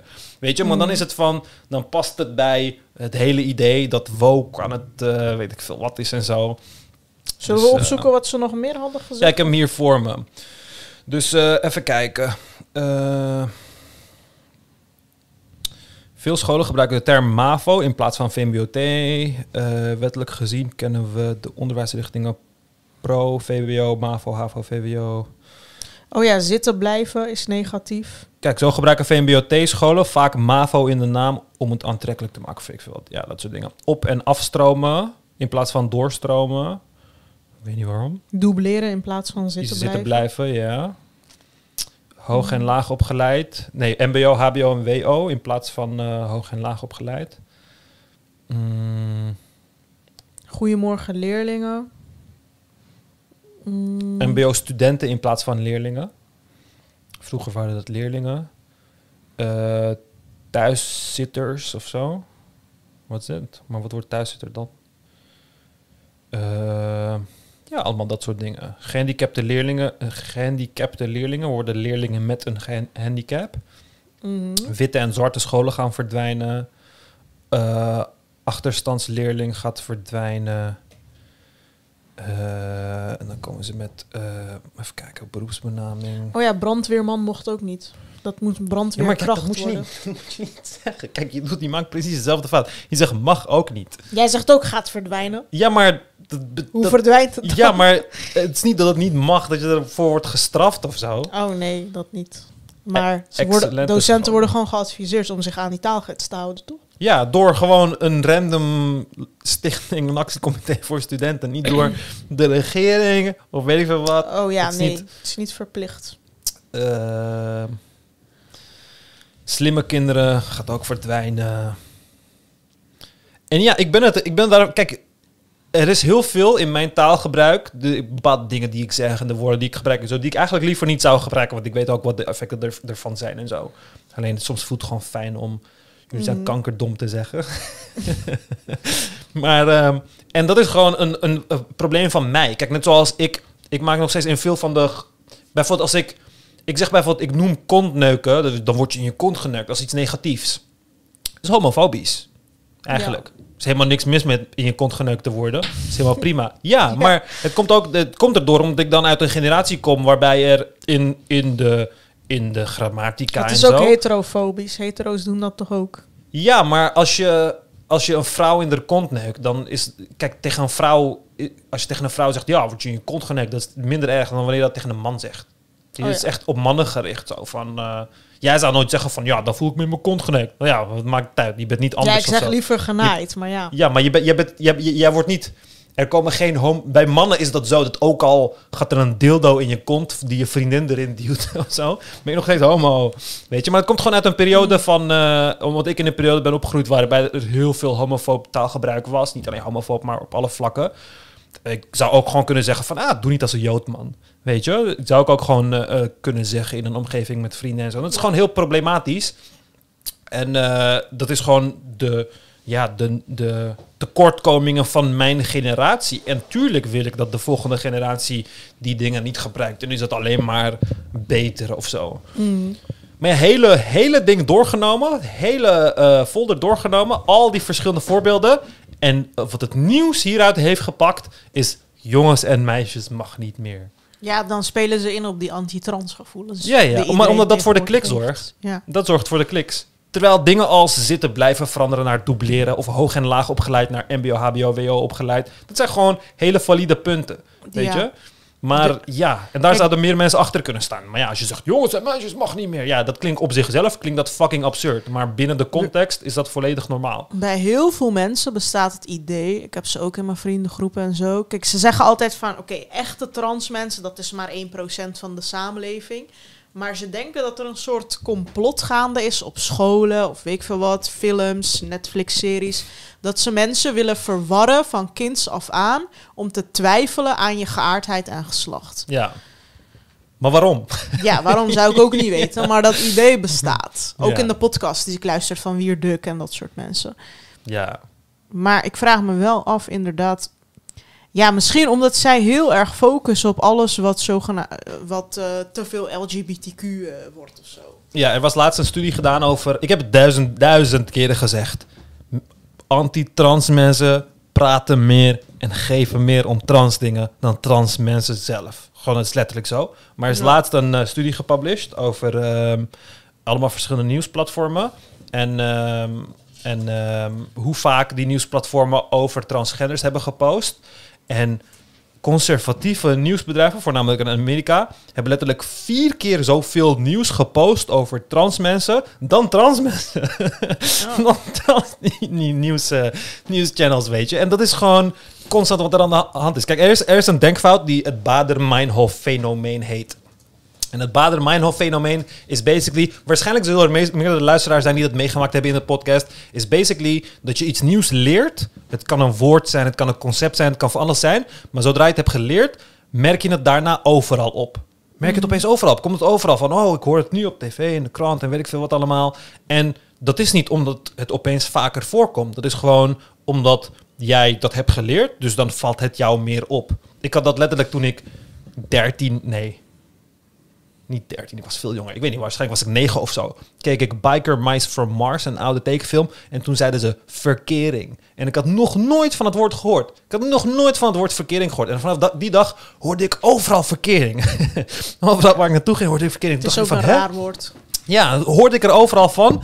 En dan dacht ik van, hè, maar waarom hoor ik er nu allemaal eh, van? En dan gebeurt dat steeds meer in mijn jeugd. Dan leerde ik een nieuw concept, een nieuw moeilijk woordje, of weet ik veel wat allemaal. Of een nieuwe plantsoort of een diersoort. En dan zag ik hem de hele tijd overal. En dat is gewoon een denkfout. Het is van, omdat dat concept nu bestaat in jouw hersenen, gaat het je vaker opvallen. En dat gaat dus ook gebeuren met concepten als transgender dingen en weet ik veel wat. Dan ga je alles wat je ziet op die manier interpreteren. Maar ze hadden laatst dus een... eh, een, eh, in de groep hadden ze een post gedeeld. ehm, Even kijken of ik die nog kan vinden. Ik zie mensen op Twitter altijd delen dat NRC zegt mensen die zwanger zijn, mensen met baarmoeder, mensen die menstrueren. En dan worden al die rechtse mensen heel boos. Ja, En dan gaan ze zo zeggen, vrouwen! En dan met tien uitroeptekens. ja, maar dan, ja, ja. Ja, kijk, er, ik had, er was zo'n lijst van ehm, films, movies conservati- conservatives would pro- protest for being woke if they came out today. Je hebt in 1998 heb je een Disney-film Mulan. Heb je die ooit gezien? Nee. Mulan gaat dus over eh, een of andere prinses. Die eh wilt niet trouwen met eh, zo'n Japanse prinses of zo. Die wil niet trouwen met de, de een of andere bruid. Dus dan gaat ze zich verkleden als man en dan gaat ze het leger in. Oké? Eh, en in die hele film heb je ook mannen die zich dan verkleden als vrouw en dan dansjes gaan doen en muziek gaan doen en weet ik veel wat allemaal. Mulan is gewoon een hele leuke film. Daar komt ook Mushu's naam vandaan. Mushu, de rode draak, komt uit Mulan. is een hele leuke eh, tekenfilm. Nog nooit problemen geweest in 1998. Alle kinderen hebben dat gekeken en weet ik veel wat allemaal. Maar als hij nu uit zou komen, zou zijn van, oh, drag, drag. Mannen die vrouwenkleding dragen en een vrouw die zich verkleedt als man in een kindertekenfilm. Ze proberen kinderen te, te hersenspoelen. En eh, je hebt ook nog, je hebt eh, bijvoorbeeld Mrs. Doubtfire. Dat is die film waar, ehm, hoe heet die acteur? Zich verkleedt als vrouw. Je hebt eh, Tyler Perry films, letterlijk Looney Tunes. Bugs Bunny verkleedt zich constant als vrouw. Maar dat is verkleden, dat vindt niemand erg. Als ze maar geen man worden, zeg maar. Oh nee, maar ze doen zich voor, voor als man. Maar aan, het eind worden ze toch weer vrouw? Nee, bij, bij, in heel veel van. bij- bijvoorbeeld bij. eh, ik had Dark Day Afternoon, is een film van Al Pacino. Daarin gaat hij een bank overvallen om geld te krijgen. Dat is ook eh, gebaseerd op echt verhaal. Om, om geld te, te, te stelen, zodat hij de sex eh, reassignment surgery van zijn vrouw kan betalen. Zeg maar. Dus in, in heel veel oude films heb je dat. En die zijn gewoon uitgekomen in onze jeugd. En op de een of andere manier boeit het niemand. Van, oh ja, trans. en Dat, want niemand dacht dat trans iets groots is. Want dat is ook niet groot. Het is letterlijk een fucking klein deel van de populatie. Het is ook niet groot. Maar er wordt gewoon groots over gepraat. Alsof het gigantisch overal aanwezig is. En dat is met al die dingen zo. Als je nu aan mensen zou vragen hoeveel procent van de samenleving is trans. Gaan ze fucking 10% tegen je roepen. Net zoals mensen die de hele dag eh, negatief nieuws over moslims lezen. Wanneer je ze vraagt hoeveel procent van Nederland is moslim, zeggen ze 30 procent of zo, gemiddeld. Weet je? Dus eh, dat, dat ontstaat er gewoon. Mensen beseffen niet dat we geen rationele wezens zijn. We in geen enkel van die gedachten die we creëren over trans mensen of andere minority groepen, dat we daar niet wetenschappelijke methodes voor gebruiken. Maar het is een gevoel. En de reden waarom je dus weet waarom het het gevoel is, is dat vraag ik jou elke keer wanneer jij mij vertelt van ja, mensen zeggen dit en dat. En dan zeg ik zo van, maar waarom? En het is zo'n simpele vraag. Het hoort aan de basis te staan van je argument. Van de overheid doet dit en dit en dit en dit en dit in het geheim. Er is een complot. Maar die waarom, die hoort ook in je, in je syllogisme thuis. Die hoort ook van de waarom. Dat hoort de, de first mover te zijn van de reden waarom de, de government al die dingen te doen. De originele reden. Maar die heb je niet. Dus er is geen reden. Dus er gebeurt allemaal rare dingen. En dat kun je niet verklaren. Dus dan is het maar een gevoel van, ja, er zal wel iets aan de hand zijn. Maar het enige wat er gebeurt, is dat je gewoon meer hoort over een onderwerp. Net zoals dat gebeurde tijdens de, letterlijk, 50 jaar geleden, gebeurde met homo's. Gewoon exact hetzelfde. Dat er alleen maar over homo's werd gepraat en alleen maar over aids werd gepraat. En steeds meer homo's kwamen uit de kast en je vriend werd homo en zijn kind werd homo. En op scholen werden homo's geaccepteerd. En homo's werden niet meer in elkaar geslagen. En opeens waren het overal homo. En over 50 jaar zou iedereen homo zijn. Vind je het zijn vermoeiend? ze niet. Dit is fucking vermoeiend, man. ik heb het laatst... Ik heb het laatst ik heb het laatst in de groep gezegd. De Amerikaanse staat waar ze een wet, een wet hebben aangesteld. Waardoor trans eh, vrouwen dus niet meer in vrouwensport mogen. In universiteitssportteams, universiteiten, college sport, sportteams. En eh, hebben ze die hele wet aangezet. Kapot veel artikelen erover, debatten erover. Is op tv gekomen, Fox News, CNN, bla bla bla bla. Uiteindelijk blijkt dat er twee, fucking twee trans mensen zijn die in de college sport zitten. Twee! Motherfucking twee! Hebben twee mensen die gewoon hun fucking leven willen leven en geaccepteerd willen worden voor hoe zij zijn. Ze willen gewoon geaccepteerd worden. Maar, Maar wat was het probleem dan? ja, omdat er een hele idee geldt dat trans kinderen trans worden, zodat ze de eerste plaats in het vrouwenzwemmen kunnen nemen, terwijl het eigenlijk mannen zijn of weet ik veel wat. En dat het een gigantisch probleem is. We hebben het er hierover gepraat. En kijk, dat is ook de fout. We hebben ook hierover gepraat over, eh, ja, transvrouw die dan naar een v- eh, vrouwen gevangenis dan verkracht ze een vrouw en dan wordt die zwanger. En ik wat die dingen, letterlijk de hoeveelheid dat ze voorkomen op de wereld, kun je op vier vingers tellen of zo. Je kunt het op vier vingers tellen, maar toch praten wij er hier over. 20.000 kilometer verder praten wij erover. Op de een of andere manier, alsof het... Het is echt lijp. Het is alsof een Chinees op het platteland een potlood laat vallen of zo. En dan gaan wij er met z'n allen over praten. Het boeit letterlijk niet. En dan maken wij het met z'n allen groter dan het is. En dan hoor je er steeds meer over. En dan gaat het steeds meer opvallen in je omgeving. En dan gaan bedrijven erin mee. Want bedrijven willen hip zijn. En trans-exclusive zijn is ook hip. En het zorgt voor commotie. En dat zorgt altijd wel voor aandacht. En weet ik veel wat. Dus iedereen doet er dan in mee. En dan is het, lijkt het zo een gigantisch groot probleem te zijn of zo. Maar... Dat is er gewoon niet. Het is er gewoon niet. Er is niet een gigantisch complot waarbij ze kinderen trans proberen te maken of zo. Ja. Weet je? Het is gewoon heel vermoeiend om in zo'n wereld te leven, man. Dat ik dan denk van... En kijk, het is vermoeiend voor mij. Moet je je voorstellen hoe het is als je trans bent. Je bent al een hyper gemarginaliseerde groep. Je, bent, je hebt de hoogste kans op zelfmoord van alle gemarginaliseerde groepen. En dan gaat de hele wereld, die letterlijk niks weet, die niks weet over trans mensen, gaat dan allemaal dingen over jou zitten lullen. Van eh, fucking oude conservatieve mensen tot eh idioten op een podcast die denken dat ze slim zijn of zo. Weet je? Dat, Ja. dat soort dingen. Het is gewoon echt, het is echt zielig, man. Ik heb het echt eh, te doen met die mensen. Maar daarom zal ik het ook, eh, ja, ik ook wel hoor. daarom zal ik het ook eh, blijven verdedigen. Los van dat het niet mijn taak is om te verdedigen. Maar ehm, ja, Ja, het is inderdaad echt bizar de hoeveelheid nieuws die erover gaat. Hoeveelheid podcast, onderwerpen, columns. het zorgt voor kliks. En het, het, ja. lijkt, het lijkt ook alsof het nieuws heel goed weet dat het zorgt voor kliks en er ook op inspeelt en zo. mhm. Want met dat voorbeeld, ik bedoel, zelfs RTL was, kwam gewoon met, ja, jongens en meisjes mag niet meer. Terwijl, wanneer je naar dat ding kijkt, het toch wel duidelijk is van, oh, je hebt dat hele ding gelezen, je hebt onderzoek gedaan en dan heb je hiervoor gekozen, dan heb je dat ge- gewoon gedaan vanwege voorbedachte raden om het in die, in die richting te duwen, zodat meer mensen erop eh, klikken en zo. Mhm. Had je VI gezien dat ze gingen spotten met trans mensen? Hij was ineens verkleed als vrouw. Nee. Oh, wil je die kijken? Ja, we kunnen wel kijken. Zal ik die monitor even aansluiten? Ja.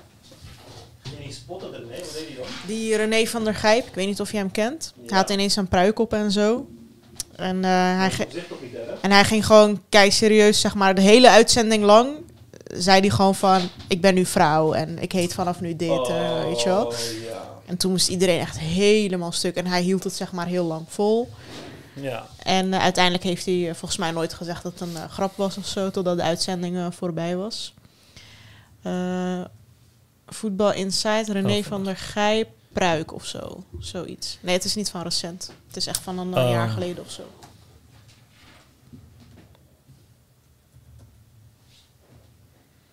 Oh ja. Renate. huh, waarom er geen audio nou? Huh? Huh? Oh, dan is er iets niet aangesloten of zo. Oh nee, wacht, ligt aan mij. Maar René heeft wel. Even een serieuze noot. We maken vaak een hoop eh, onzin mee hier, maar ik heb vandaag een heel serieus gesprek gehad met René. En ik begrijp hem, ik respecteer hem ook zeer. Maar René heeft wel een mededeling waar Nederland van zal opkijken. Nou ja, ik wil het niet groter maken als dat het is, Wilfred, maar ik wil eh, verder als Renate.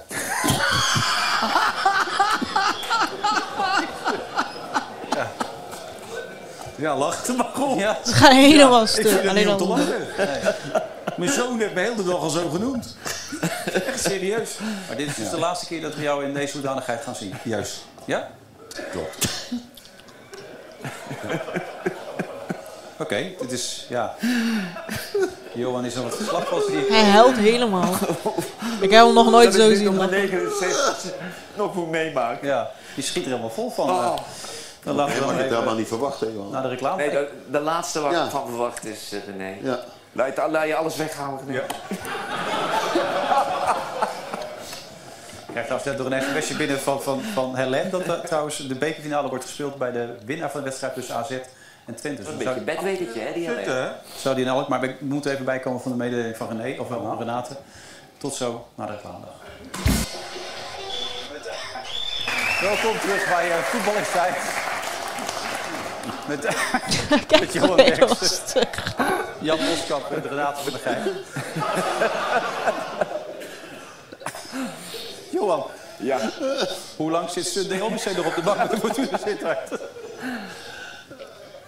Moeten we nou nog serieus over Maar wie, wie, is daar, wie is daar eh, technisch directeur dan? Is dat Hofland? Nee. Nee, Nee, nee, die zit bij, Nee, omdat, PSV. wie, wie, met wie had hij een probleem dan op dit moment? Ik weet het niet meer. nee, met de hele, met de hele groep had hij problemen. Hij heeft die groep nogal kritisch afgezaagd eh, voor, dat, eh, voor die tv-zender L1. En ik heb de indruk dat het bestuur wel klaar is met het. Maar het is wel de eerste... Nou, dit was de video eigenlijk. Vond je het grappig? Nee. Wel dat hun gingen lachen, maar ik dacht echt van zo grappig was het niet. Waarom ga je stuk? Vind jij het niet grappig als mensen zich verkleden? Nee, maar ze gingen Maar al hier was stuk. dus heel veel haat opgekomen. Ze, ze, ze gingen al stuk toen hij zei: eh, voortaan ga ik door het leven als Renate. Ja. En toen gingen ze helemaal stuk. En ik dacht van. Maar wat was de grap precies dan? is gewoon, ze zegt van. Ja, voortaan ga ik door het leven als Olivia. Oh ja. Nu we het hierover hebben. Ik zou toch jouw haar stijlen en zo. Was ik weer Oh, ja. helemaal vergeten. Oh my god. Ja, make-up en zo zou je doen, toch? Ja. Zullen we dat in de aflevering hierna doen? Ja, nu maar haar ga je niet kunnen stijlen, maar voor mij mag je make-up doen. Waarom ga ik je haar niet kunnen stijlen? Er staan allemaal producten in nu. Je moet mijn haar echt niet stijlen. Oh, wordt het dan lelijk? Maar er zit altijd product in. Ja, ik weet het, maar ik moet het gewoon helemaal uitwassen als je het moet eh, stijlen, denk ik. Oh, dan wordt het zo'n vettige stijl. Gewoon make-up. Je moet gewoon die vleugeltjes zo voor me fixen zo. En Ja. mascara. Ik heb hele lange wimpers, dus ik denk dat mascara me wel mooi gaat staan. Oh ja. Dan, Oké, dan ga eh, ik zo meteen de make-up halen. Dat is een hele leuke af. Ja, ik ben, ik ben down. ik ben sowieso down. Eerst dacht ik van... Kijk, ik had in mijn hoofd zo van... Want mijn vriendin wilde, mijn vriendin wilde ook make-up voor me doen. En dat ik dan random... Dat ik gewoon random met eh, make-up op dan de podcast zou opnemen. En dat er niks over zou Net zeggen en zo. Renate, zeg maar. Ja, maar dat ik het dan ook zou doen, als, als- zou doen alsof ik van... nou, waar heb je het over? Ik heb helemaal geen make-up op. Terwijl ik gewoon overduidelijk make-up op heb. zou gewoon grappig zijn en Welke zo. meisjesnaam zou lijken op Umer? Mm, Of vrouwennaam bedoel ik? ja, is er niet echt, denk ik. Mm, Zelfs met O heb je er weinig. Olivia, Octavia, Odette. Um- Umur. weet niet. Een Merina. ja, maar ik dacht eraan en toen dacht ik van... Oh, maar dan moet ik met die make-up op naar de podcast. Of als ik het hier doe, moet ik met die make-up op. Ja, onderweg naar- zijn. Dan moet ik het wel eerst eraf halen en zo. En toen dacht ik van, nee man. Waarom? Want ik loop altijd, als ik op straat loop en zo... Ik kijk altijd boos. Ik weet niet waarom. Ik kijk altijd echt boos. Is wel leuk, want soms kijken oude vrouwtjes zo... Argwanend nou, maar dan ga ik zo opeens naar ze lachen zo. Word ik opeens een zonneschijn zo. En dan moeten ze ook lachen. Maar normaal kijk ik altijd boos. Alsof ik iemand ga neersteken of zo. Maar het zou wel echt heel vet zijn als ik dan gewoon helemaal opgemaakt ben. En dan zit ik met mijn muziek gangster rap te luisteren. En een joint te roken. Ik ga iemand neersteken. Ik denk dat je echt in sommige wijken in elkaar wordt geslagen als je make-up Nee draagt. man, wat de fuck gaan ze doen? Ja, wat de fuck gaan ze doen? Er is toch heel veel eh, haat voor trans mensen. En Ja, maar ik zoek die... Vorige keer ook, tijdens de Ramadan ging ik naar ehm plein 40, 45. Ik wil daar even eten en zo. En toen dacht ik van, weet je wat? Ik ga gewoon midden op die plein zitten en ik ga uitgebreid eten en drinken en mijn jointje roken. En ik ga gewoon wachten tot iemand naar me toe komt en iets tegen me zegt. Mm. En uiteindelijk gebeurde er niks. Er kwam wel een Marokkaan en zei salam alaikum. Ik zei, hè? Ja, maar dan- denken ze, hij kan toch suikerziekte hebben of zo. Dus dat, ja, Ja, ik ik denk niet dat ze dat snel zullen ik doen. rook die jointjes voor mijn diabetes. Oh ja. Ja, ik weet niet. Ik zoek het vaak wel op en zo, maar ehm, ja, ik denk, ik denk dat het vrij weinig gebeurt, man. Dat iemand eh je gaat niet slaan of zo. Mm. maar je Waarschijnlijk wilt een het hele toch zo meteen wel gewoon eraf halen, of niet? Oh nee, ik zou er gewoon mee in het OV gaan hoor. Oh, je wilt het er niet afhalen? Ja, ik ben wel benieuwd hoe dat is. Ik ben wel benieuwd hoeveel mensen gaan kijken en zo. Oké, dat soort sociaal dingen. experiment. Ik zou zeggen, neem een van de camera's mee en vlog, vlog je dag als man met make-up. Hey girls, vandaag. vandaag gaan we met make-up op de trein. Tim Hofman had een keer in de krant gezegd... ik hou ervan om hakken te dragen en make-up en oorbellen en zo. Hmm, Toen werd hij echt lijp gehaat. Hakken lijkt me echt oncomfortabel. Ik vind het eigenlijk wel gewoon mooi. Je hebt ook comfortabele hakken, van die blokhakken en sleehakken. Ehm, ja, maar ja, hakken lijkt me gewoon... Kijk, laarzen met, laarzen met hoge hakken, dan voel ik me al een beetje te lang of zo. Ik weet het niet. Mhm. Maar... ehm, Oh ja, dan word je wel heel lang, ja. Ja. Maar ik zeg je eerlijk, ik zou echt een goede eh, chick zijn. In welk opzicht? Ik heb gewoon zo'n modellenlichaam, weet je. Lang, slank, ja. en dunne benen. Als ik mijn benen scheer, pff, ik zou zo B-model kunnen worden. Oh ja. ja. Je hebt ook mooie Nee. huidskleur. Je past in de diversiteit. eh. Ja, maar tegelijkertijd denk ik ook van eigenlijk, ja, eigenlijk voelt het een beetje als spotten en zo, weet je. Wanneer je dan eh, zo voor de leuk doet. Spotten met wie? Gewoon met eh, mensen die eh, zich echt als vrouw willen eh, kleden en zo. Mm. Ja, dat zeiden ze dus ook over dit VI-filmpje. Ze kregen Ja, maar daarom, kijk, hun doen het op een beetje denigrerende manier en zo. Mhm. Dus ja. Ja, ze hadden het over dus die man die je op de achtergrond ziet. Want die zei dus op die had al kinderen en zo. En die was al getrouwd geweest en zo. En die zei op een gegeven moment van... Ik ben geen Erik meer, maar Erika of zo. Ja, en dat... En zij deden dat na. ja. Ja. Ja, zielig. Maar ik, ik, ja, als we jouw make-up doen, eh, is het toch geen spotten. We vinden het gewoon Nee, leuk om te zien hoe je er dan uitziet. Maar ja, je hebt een baard. Dus dan vind ik Ja, maar dat dan is het juist. Dan lijk ik zo op die Conchita, weet je.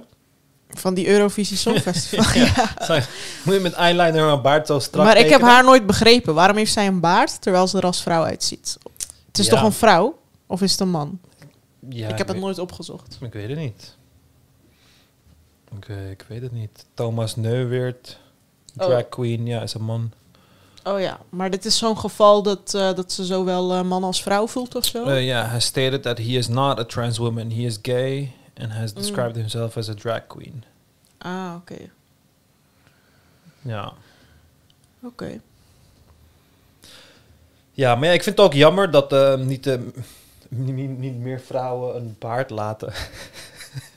Nee, weet Hoe wat wil je als vrouw weet een baard laten? Dat groeit letterlijk Weet je, niet. nee, maar sorry, er zijn fucking veel vrouwen die gewoon een dikke snor kunnen groeien.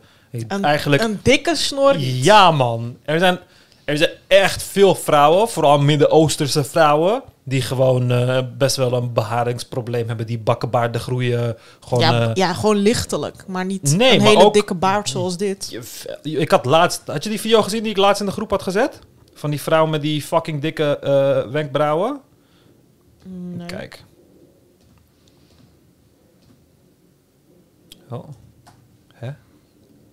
Waarom speelt die niet af dan? Wie is deze vrouw? Ja, ik weet niet. Ik vond het filmpje gewoon. Maar zij heeft en een... En een eh, hè? Zij had en een... ehm, Het speelt niet af.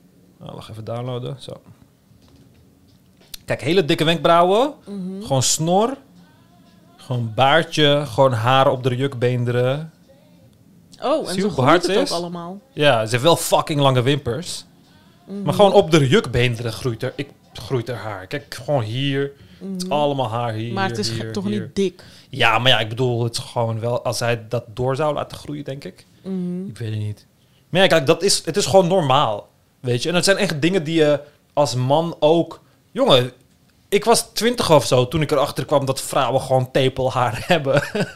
Mhm. ik wist dat niet. Dat sommige vrouwen gewoon tepelhaar groeien. Allemaal dat soort dingen. Dat mag, mag wel, eh, mag wel even genormaliseerd worden van ja, het kan gewoon gebeuren. Want anders heb je van die... Ik heb van die vriendinnen gehad die dan die zich dan, ja, omdat het drie dagen geleden is dat ze zich hebben geschoren of zo. En omdat de beenharen snel groeien, mag je de benen niet aanraken. Want anders voel je de stoppels en zo. Mm. En dan is de hele illusie van dat ze glad zijn geboren en voor altijd glad blijven, Ja. is dan verdwenen of zo. En denk ik van, ja, wat denk je als ik stoppels ga voelen, denk ik eh gadver of zo. Dus eh, het mag wel een beetje...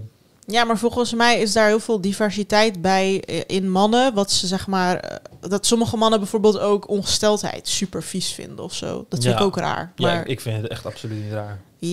niet raar. Dat ze het vies vinden. Oh nee, ik vind dat ongesteldheid. Ik heb altijd seks tijdens ongesteldheid. Ja, precies. Tijdens ongesteldheid zijn vrouwen gewoon fucking gaal. ja, natuurlijk Ja, precies. hebben. Maar er zijn echt kapot veel mannen die dat echt walgelijk vinden Ja. gewoon. Ja. En eh, ook inderdaad lichaamsbeharing en zo. Ja, kijk, ik, ik snap dat wel. Want bij mij is het ook als ik seks heb tijdens ongesteldheid en je ziet gewoon bloed en shit, dan moet ik er ook niet op focussen, want dan ga ik echt mijn erectie verliezen of zo. Of eh, als je daarna klaar bent en je gaat douchen en je lul ziet eruit alsof je er eh, een kabouter je mee hebt do- doodgeslagen. Overal bloed en zo. Dan denk je ook van, oh, gadver. Maar ja, ik bedoel, eh, ja, het is gewoon bloed. Ja, En ja, ik denk echt, gewoon, wat maakt het uit, het is joh. gewoon extra glijmiddel. Precies.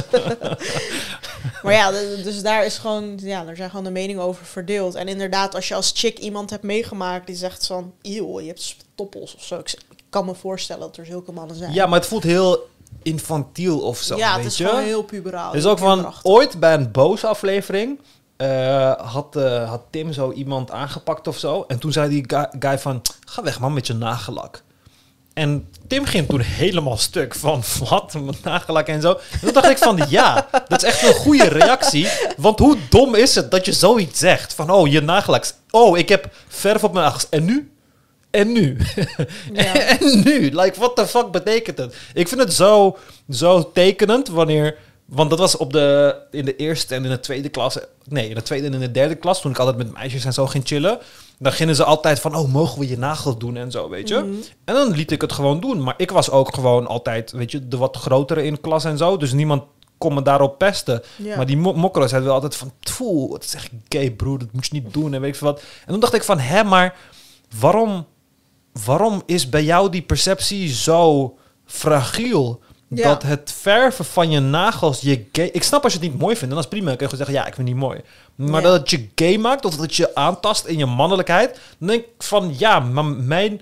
Ja, als ik nu make-up zou doen en ik ga dan straks eh, in de OV met make-up rondlopen en weet ik veel wat. Juist het feit dat ik dat kan doorstaan en dat het helemaal geen schrammetje geeft op mijn mannelijkheid. Dat is mannelijkheid. Dat is sterke mannelijkheid. Dat Ja. is sterk in je schoenen staan als man. Dat ik letterlijk een jurk zou kunnen dragen en me nog steeds fucking mannelijk zou eh, vo- eh, voelen, weet je? Niet, niet van dat je dat wil dragen, maar dat je het gewoon kan. Ja. Dat je gewoon denkt van, ja, prima. Terwijl andere mannen zijn zo van, oh, je moet me niet eens aanraken.